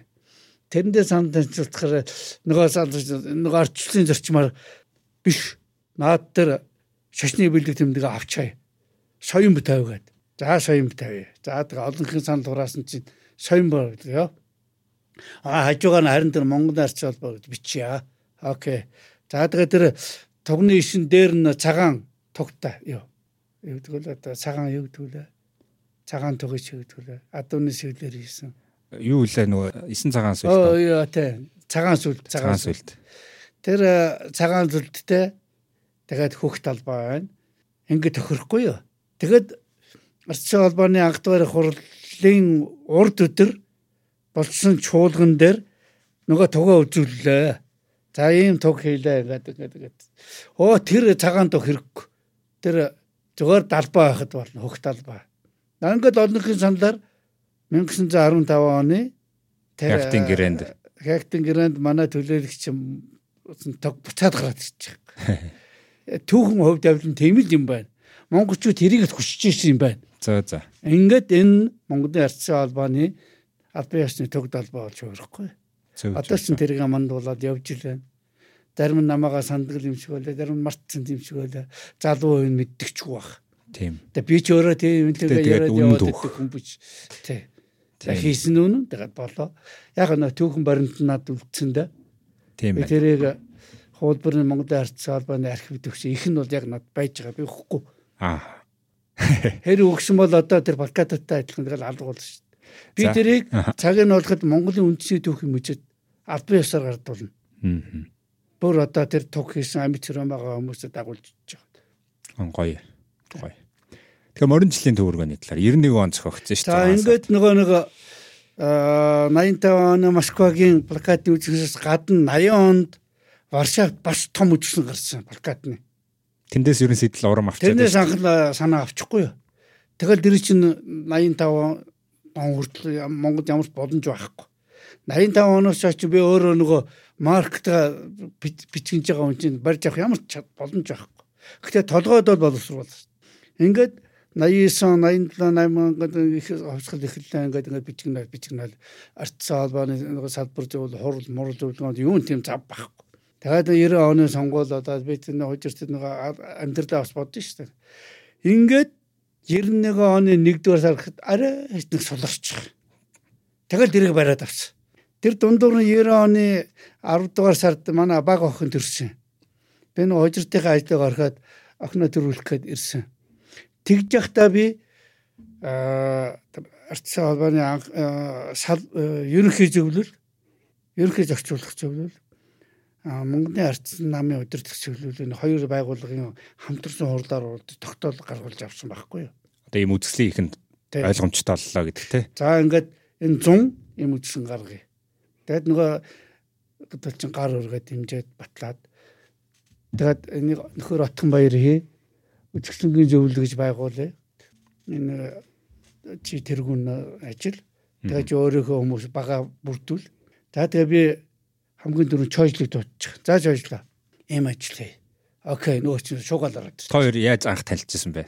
Би тэр бүр 80-аад онд чойжл чинь улаан цонид рууч гисэн шүү дээ. Цэргийн сонин байсан шүү дээ. Би Батлаган модхааны Оо тэгэхээр тэгээ найзууд ойлгож байна. Тийм ээ. Тэгээд хоёулаа сүүлд нь 90 онд А ёо намаа маркенд очиод байхад чойжл яа манай маркс их бүдүүлгүй байсан байлээ. Нөгөө пленко угааж чаддаг. Аха. Чойжл чинь зураг зурх Зураг аавна зураг аавна. Тэ. Зурагч нь гэрэл зурагч гол мэрэгчлэн тэр үн чи читгүүлч гэрэл зурагч үн шүү. Аа. Тэгээд чойжл дээр оч тэр пленк пленкнуудаа угаалгадаг. Одоо тэрийг харах юм бол үлгэр үлгэрч юм. Тийм байна. За тэгэхээр үнцэн юм руугаа За ингээд чойдлуудаар чинь эртний танилуд байхгүй юу? Аа. Ингээд ардсан хувьсгал цуг яваад орчтой. Аа. За одоо ингээд бүхэн болж байгаа ч. Тийм байна. За одоо хоёлаа эм үзэгч нөгөө чинь окей. За тэгье. Ингээд бичгнээд орчихсон. Одоо зураачдын дунд нөгөө уралдаанаа зарлаа шүү дээ. Бүтээл хүлээн авах хугацаа гэж байгаа. За тэр э, хоёр том байгууллагын өдөр төсөвлөө батлуулаад гаргасан чинь бүтгэжтэй бүтгэл юм байлээ. Аа. Яг тэр хурал дээр дашчирж байгаа сууж яахгүй. Дашчирж байгаа чинь ерөнхий зохицуулах зөвлөлийн гишүүн байсан шүү. Нарны тутан бүсэн тий. Тэ. Хаа дашчирж байгаад би наадах чинь санхүүжүүл спонсорлол өөрөө гараад ирчих. Бөөм баяр. Ер нь тгийж хийг яагааг бол өөр спонсорлол нь хэцүү те 91 оны цаг хэцүү. Ер нь юм штэ. Нэг Америк үг байдیں۔ Бид юу ч ярьж байсан эцсийн эц мөнгөний тухай ярьж байдаг. Аа. Энэ баг англи гаралтай үг гэж боддог шүү. Аа. Тэр хичнээн сайхан айдиа гараад спонсоргүй болд зүгээр л худлаа хоосон яриад байхгүй. Аа. Тэгэхээр дашчирж байгаагаа хизээч мартчихлахгүй. Тэр үжигчнийг амьлуулсан. Манай уу. А би санаачлагч нь, зохион байгуулагч нь, Өөрөө уран бүтээлээрээ орсон. тэгээ өөрөө зураачийн үед оролцсон. А дашчирж байгаа бол өста амин сүнс. Тэгээ би дашчирж байгаадаа мах баярлж явдیں۔ Тэгээд бурхан болцсон байлоо өрхий. Ингээд үжигсэн гарлаа. Тухайн цагтаа дөөлөн болсон шүү бас. А тэр бол яалтчгүй. Одоо ч гэсэн ер нь 90 он гараад яг ардчилсан хувьсгалын үеэр тэгэж антикоммунист шүү дээ. Тийм үзэл санааны доор ингэж зурх тууцны үзэсгэлэн гарсан ганц л тохиол юм шүү. Тэрний дараа яг янз янзын экологийн сэтвтэй янз янзын сэтвтэй үзэсгэлэнгүүд болсон, авилгалын эсрэг болсон. Гэхдээ энэ 91 оны яг тэр өөрчлөлтийг морин жилийн төвөргөө ингээд харин түрүү хэлээд байгаа шүү дээ. Яг жил нь яаж тэгж гоё мориор таарцیں۔ Тэ. Тэгээ одоо яг тэр бүтээлүүдийг харахад одоо ч байгаа асуудлуудыг хүнджил исэн байгаа. Тэгээ Монгол бичгийг сэргээсэн Чингис хаан шашнаа эргэж э, чөлөөтэй хэлэх хэрэгтэй болсон. За улсын зөвлөлтийн дарлаас дарлаас гарсан. Тийм тэгээд тэр зөвлөлтийн тэр буруу бусармаг зүйлийг зоригтой шүүмжилсэн. Нөгөө ялангуяа хилмигдлийн үеийн маш олон зүйлүүд байгаа тий. Тэгэхээр энэ хэр болдгсон бол 90 оны 6 дугаар сард байгуулсан бол бүр их оновчтой байсан юм. Бүр сенсац болох байсан Тий. Бүр сүнсэд болох байсан. Гэтэл тийм зав байхгүй юм чинь. Тэгээ болцсон бол магадгүй нөгөө ард их хурлын тэр сонгуулиар чинь баг ардчлан түрээд гараад ирчихгүй юу тий. Гар штт. Тийм байна тийм. Маш их нөлөө үзүүлэхэд боломжтой байсан байхгүй. Тэгэхээр тухайн үе үзэсгэлэнг яг ийм 91 оны нэг ийм зурагнаас би анх олж харж мэдсэн аахгүй. Нэг Франсуа Лош нэгээд Францын зурагч яг орчуудын өвлийн үзэсгэлэнгийн танхимын нэг хоёр гадаад жуулчин яг тэр бүтээлүүдийг үзэж байгаа тийм гэрэл зураг байгаа аахгүй. Тэгээд тэр тэр зургийг хараад яг ийм үзэсгэлэн болсон байна гэдгийг мэдсэн байт. Тэгэхээр тэр үзэсгэлэнг одоо орчуудын өвлийн танхим зохион байгуулахаас эхсүүлээд уран бүтээлчдийг оролцуулах. Тэнд чинь бас нэг том том нэрт бүтээл зураачд бас цөөн орсон байгаа тийм эрсдлээ ботсон юм уу? Яасан одоо нэрсийн жагсаалтыг харахад. Тэгэхээр одоо тэр интриг та яриач яаж үзэсгэлэнгийн танхим зохион байгуулав тухайн зөвшөөрлийг хэн олгож магадгүй цөлтөмгой байсан уу өөр хүн байсан уу гэдэг ч юм уу? Ийм эргэлзээтэй асуултууд байна л да. орчууд эвлээр оролцоогүй. Оролцоогүй Оролцоогүй. танхим дээр нь зохион байгуулсан тийм үзэсгэлэнгийн танхимд Тий, үдшингийн танхимаа гаргаж өгч байгаа л байхгүй. Тэр чинь бас том дэмжлэг шүү дээ. Тэгэхээр шууд бусаар орчуудын эвлээр оролцох байх. Аа. Тэгээ яг зөв аль биесээр бол оролцоо. Аль биесээр зохион байгуулагч нь Монголын ардчсан холбоо, Монголын ардчсан нам гэж. Тэгээд тэр үзэгсэнгийн нээлтчин их том болсон юм аа зүгээр танхим битүү хүмүүс нь 500 хүн хөлгөш их зайгүй л байсан дэг. Мм. Гадаад дотоодын хүмүүс ч хэр зурмөр авчил ах шиг байсан. Тэгээ тэр үзэгсэнгээ чинь тэгээ ингээд тэр яг үзсэн юм зохион байгуулагч чинь баг үрдүүлж ийн гал нөө дураачтай хэлэхээр аа тэгээ тэгээ орноос хаа хөөл гэдэг чи яг цагаа уулсан чинь багхгүй Аха. чойжлуу тэр буманд орж гэж зураач бид гурал үлдчихэж байгаа. Аха. Гэхдээ гол ачаал нь тэр хэвлэлийн талынхын асуудлыг бумаа хариуцаад тэр э, өдөр тутмынх нь гүйдэг одоо ажил нарийн жижиг жижиг ажлын чойжл хариуцаад а миний бизго ерөнхийд нэг тийм холбох тоглол би ч тэр гэр хол шүү дээ. Ааха. Тэгэхээр хоёулаа заа чи өгшөн тэрнтэй болоод ингээд итгэж гэж. Мгм. А бумагаа чи нэг тим тим хөвлүүлчээр гэдэг ингээд Тэр үеийн одоо нийт зардал хэдэн төгрөг болчихсон бол тухайн юм шиг. итгэхгүй санахгүй. Аа. Их л мөнгө болж ирсэн. Тэр чи одоо гол зардал нь за мэдээж үзэсгэлэнгийн танхим түрээслэх бах. Тэгээд тэр олон уран бүтээлч чинь бүтээлөө гэж байгаа. Тэднэрт бас нэг урамшуул гэж өгөх бах. Тэгээд тэр нөгөө ухуулах тэр нөгөө танилцуулах хууц нь одоо таны зурсан зураг гэж 6 морьтой. Яг анхны 6 нам ингээд олон намын бүх юм нөгөө үнэлгээнд орчсон мөнгөөр ярьдаг болсон тэр хэвлийн гамнаад тэдэн төгрөг. Аа. Урд хэвлэгтэн тэдэн төгрөг. Гэрчлэгээ диплом хөвлөсөн тэдэн төгрөг. Үйлчлэнгийн тагманд тэдэн төгрөг. Тэгээд тэн дээр нэг онцлог хоёр бүтээл байгаа тий. Миний хувьд бол тий одоо сая бас одоо ингээд шилжилтийн үеийн Монголын зурагт хуудас гэдэг үзэсгэлэн чинь тэгээд тэн дээр таны бас яг бүтээлүүдээс одоо дийлгэгдсэн. Одоо шүтэн гэдэг бүтээл байна. Чопл гэдэг нэг юм хоёр бүтээл бол үнэхээр одоо онцлогын аргагүй шилдэг тийм балкадны бүтээл байгаад. Тэгэхээр энэ бүтээлүүдийнхаа талаар та яриач.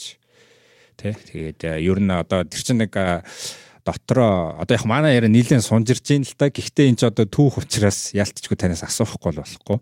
Тэгээд э, хамгийн сонирхолтой нь та зохион байгуулсан мөртлөө өөрсдөө бүтээлээр оролцоод тэгээ нөгөө нууц санал асуулгаар ингээд шилдэг бүтээлээ тодруулахад яалтчгүй та энэ бүтээлүүд одоо таны бүтээлүүд тороогоо гараад ирсэн байгаа тий чойжл ах та хоёрын. Тийм яг нь ардчлан зарчим гэдгээ хэрэгжилж яахгүй юу? Тэгээ урд нь бол бүтээлүүдийг бол урчүүдийн хуулиар нь эдэн дарга сууж байгаа шийддэг байсан бол тэрийг өөрөөр үжиж байгаа үжигчдийн санал гэж хуудас тараагаад Аа. за танд хэдэн номерын нөгөө балкадуудаа дугаарлчихсан. Аа. Та ингээд саналаа өгөөч гэдэг. Аа. Мөн уран бүтээлчдэд бас тусна өгсөн. Аа. Тэр чинь уран бүтээлчдийн сонголт нэг өөр гарна. Та гэхдээ өөртөө өгөхгүй бах тий яриа. Гэхдээ би өөрөө оролцоогүй. Оролцоогүй. Өөрөө байгуулж байгаа орж болохгүй шүү дээ. Мгм. Тэгээд сандаа нь хураагаад гараад ирэхээр аль аль талаас нь тэр чойпл чи гараад ирж байгаа байхгүй өөрөө. Одоо тэр бол нөгөө зэдэн бол чой бас удирдахч нарыг ингээд хоёр Тий. талаас нь нийлүүлсэн зураг тий. Тэ. Тэр бол юу гэсэн гэхдээ тэр хувь хүн гэдэг утгаараа бол аа маршал шавуулсангийн шав, улс төрийн шавны юм аа маршал зэтэн балгуу тэ. Аа. Аа коммунист хэлмийн үргэлжил гэдэг утгаараа энэ хоёр бол нэг л фигур гэж утгатай. Тийм учраас тэр хоёр чинь хоёр нүрэ чинь нэг болгож орж байгаа байхгүй. Сэдэм бил таснес ёо ёо пумпан. Тэ. Чойпл. Чопл. Аа чоолсонгой чо цэдэн болгоон пил. Энийг манай авга бодсон. Ер нь ингэдэж штэ. Би ингээ уран бүтээл хийгээд тэгэхээр авгаатай хэлдэг. Чи нэр бодож байгаа. Манай хүн нэр бодож олт. Аа бас Тэ. Би тэр нэр чинь толгоогоо тасцуулах цагаа өрмээргүй шүү дээ. Тий. Тэ. Тэгээд манай хүн надад нэр өгдөг. Аа. Зөв зөв. Тэр э, нэр чих оновчтой болсон тэр э, субъект нчих зүг болсон. Тийм учраас хүмүүс маш их цангаж тухайн саний хөвлөд тэр гараал байсан. Ил төвчөө гэдэг нь санаа байсан. Плит хамоо тавьсан байдий. Одоо над нэг ганцхан сэрхий их муудсан байдий. За за. Тэр нэг махцангаа балкаад. Одоо энэ э, Акимгва. Аха.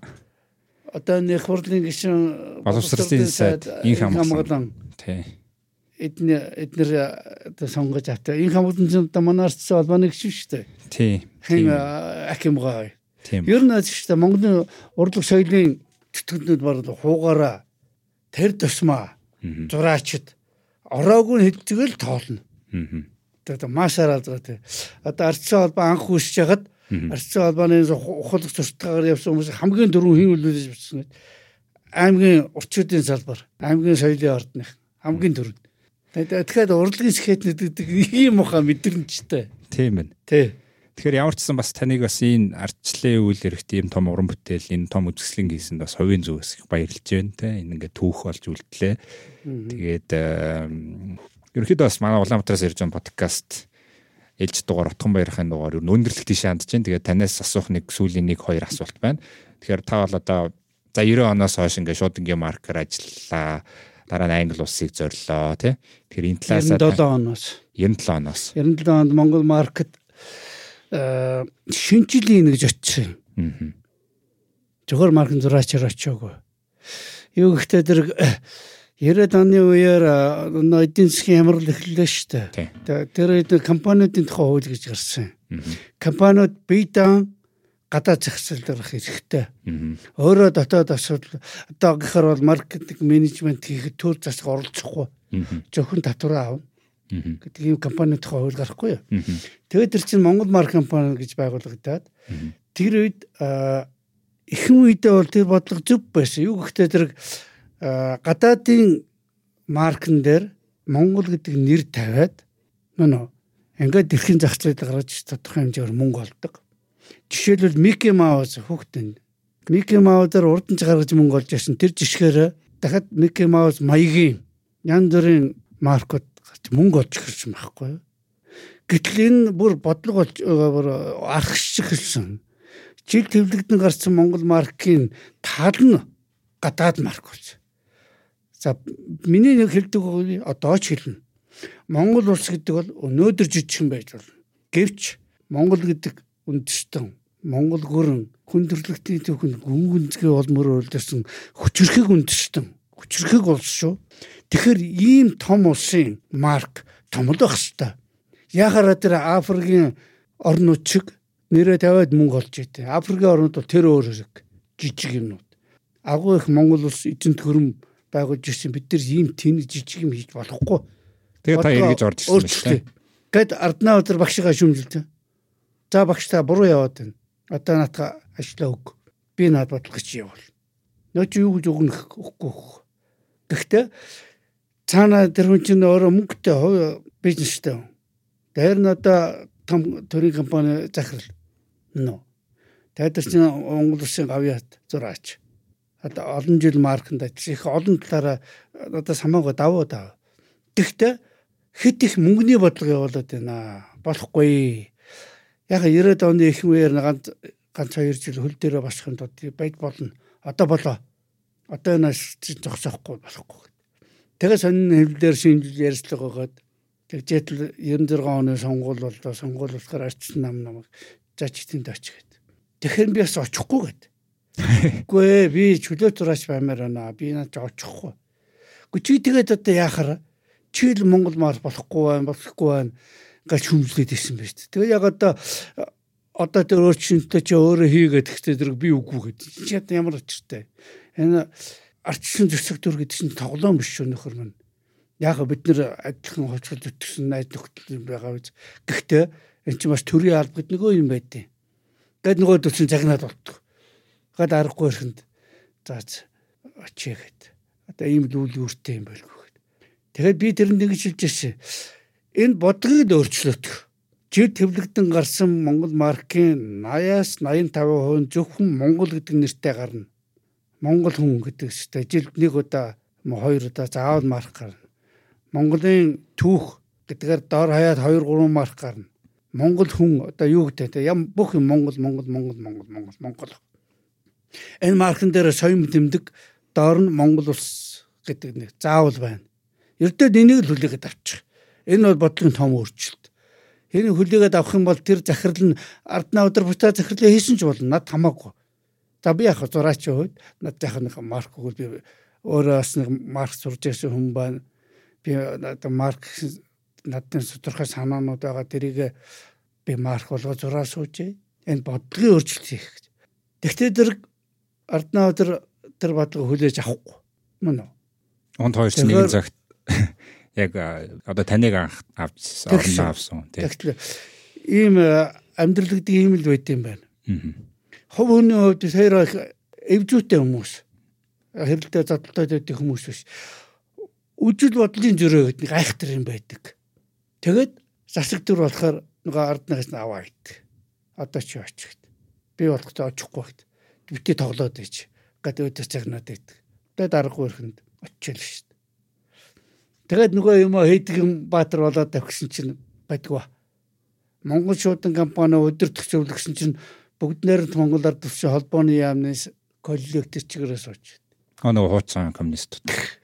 Тэгээд тэр хурлаар нь би ороод хөө хөрхи манай тэр сайд манай хуучин сайд холбооны яамны орлогч цай төгсөө дэд захирал холбооны яамны сайд байсан Баатаргаа дэд захирал өөр холбооны амны орлогцойдсэн төмөргөө санхүүгийн эрхэлсэн захирал юу юу вэ? Баах гадаад харилцааны элчин дарга байсан пүрсүрэнгаа шуудангийн гадаад харилцааны дарга. Ийм хүмүүстэй буцаад ажиллах болж байгаа. Одоо ястаа үйл өөрдөг үдсэн дээ. Өө их юм болсон, их юм болсон. Тэр тэрийг ярих юм бол Тэгж учраас би энэ болсон явдад би хэр би бичүүлдэхгүй болохгүй болчиход байна. Би нэг Монгол маркийн 100 жилийн ажил нэг ном бичиж байгаа. Аха. Тэрийгэ бичээд явж байна. Аха. Тэрийг тухай тэрийг ярих юм бол нэг дуусшгүй яриаг юм бол. Тэх бах. Тийм байна. За тэрийг яг гарсан нэрээ тэх. Тэгээ тэгээ. За ийм тэр өөрчлөлт шинжилгээ хийхийн тулд маш их бэрхшээл болсон. Тэгээд бүр сүулдэ хаяад явсан. Одоо болоо. Одоо харин тэр Монгол маркийн бодлого одоо Монгол маркет тогтсон шүү. Танайхаар бол ер нь нэлээд гайгүй тогтсон гэсэн үг? Ер нь Монгол сэдвэн болчихсон. Тэр чинь тэгээд болчихлоо гэсэн үг байхгүй. Тийм байна. Одоо наадын тийх юм байхгүй. Аа. Намайг хүмүүс Монгол маркийн зураачийн хувьд яриад байдаг болохоос биш. Зураачаас хамаагүй илүү бодлого өөрчлөсөн шүү би. Бодлого тодорхойлсон. Монгол улсын шуудангийн маркийн алдаатай бодлогыг Монгол улсын марк Монгол байх ёстой гэдэг бодлогыг л хийсэн хүн бай. Тэрийг би маркын дураашаасаа илүү өндөр тавьж бод. Гайхалтай энэ бол маш гоё хэрэг. Маркын дураас зөндөл байх.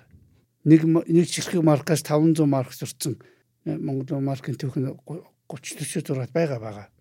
Тэгээ Балкадны түүхэнд ч тэр төрсөл хурлын те одоо маркийн түүхэнд ч тэр ийм хоёр том үйл хэргийг одоо хийсэн юм үнтэй ярьж байгаа бол үнэхээр гайхалтай. Монголын зурагч хуудасны шинжилэлд бас тодорхой хувь нэмэрээ оруулсан. Тэглэх тэр бол ялцсан гарцаагүй нөө.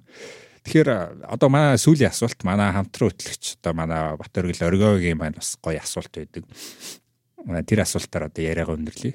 Соёлыг юу н хэрхэн түгээн дэлгэрүүлэх вэ гэдэг ийм асуулт байдаг. Тэгэхээр та бол ингээд коммунист, социалист нийгэмд амьдарсан, ардчилсан нийгэмд ингээд 90-ад оноос 2000 оны их үе хүртэл зах зээлийн нийгмийн үед амьдарлаа. Одоо ингээд Англи, Их Британи улсад бас сүүлийн 20 жил амьдарч байна. Тэгэхээр яг энэ барууны ертөнцтэй энэ өрөнд орны энэ хоёр өөр энэ том гүрэнд амьдэрсэн үний үднээс ингээд соёлын талаар энэ яаж түгээ дэлгэрүүлэх хойч үедээ тий залгамжлуулах энэ асуултанд та ингээ гоё хариу өгөөч ээ тэгээд тэгж хүсэж байна. Одоо барууны соёлыг Монголд хэрхэн оруулах вэ гэсэн үг? Үгүй ер нь бол яг мэдээж уламжлалт намаа Монгол соёл ахууга. Та яг Англид амьдэрсэн үед бас тэр орны соёл түгээн тэр орн бас өөрсдийнхөө уламж соёлыг яаж дэлгэрүүлж байна. Манай монголчууд яаж дэлгэрүүлж байна. Та бас энэ шуудангийн салбарт Монгол гэдэг энэ зүйлийг бас гоё түгээн дэлгэрүүлэх бодлогыг тодорхойлсон байна. Тэгэхээр ерөнхийн нэг юм томоор нь дүгнээ та нэг гоё хэлж өгөөч те. Их Британи бол дэлхийн хүчрхэг гүрэн. Хүндрэлттэй төгөнд төв давнсан эзэнт гүрэн байгуулсан 2 3 хан улс байдаг шүү дээ. Монгол эзэнт гүрэн, Британи эзэнт гүрэн, Атманы эзэнт гүрэн, өөр юу хүн нөө да эзэнт гүрнүүд шүү дээ. А бүс нутгийн эзэнт гүрнүүд бол байсан. Роми. Тэ темир темирхүү болоод тэ Роми эзэнтгөр гэх мэтчлэн. Тэгэхэд тэрний дараалаараа энэ Британи эзэнтгөр Монгол эзэнтгөр хоёр толгойд нь явж ийт шүү дээ. Тэр энэ хоёр том эзэнтгөрний холбож байгаа. Тэр холбоос нь одоо Британд байгаа монголчууд болчиход байгаа. Британий монголчуудын холбоо гэж байгуулга бий. Чарнбат гэдэг э, тэргүүнтэй одоо олон сайхан залуучууд бий бай. Одоо бүгд нэрлээд зоргоо өнөрмө одоо юм блээ одоо маш ба тэнтэр мундаг залуучууд бий бай. Тэгээ тэд нар маань Монголд одоо яг өөрөө чи ярьж байгаа Монголынхаа соёлыг Британд одоо юу гэдэг түгэх одоо сурталчлах талаар одоо манай зураач ч гэсэн чадах чадхаараа л оролцоож байна.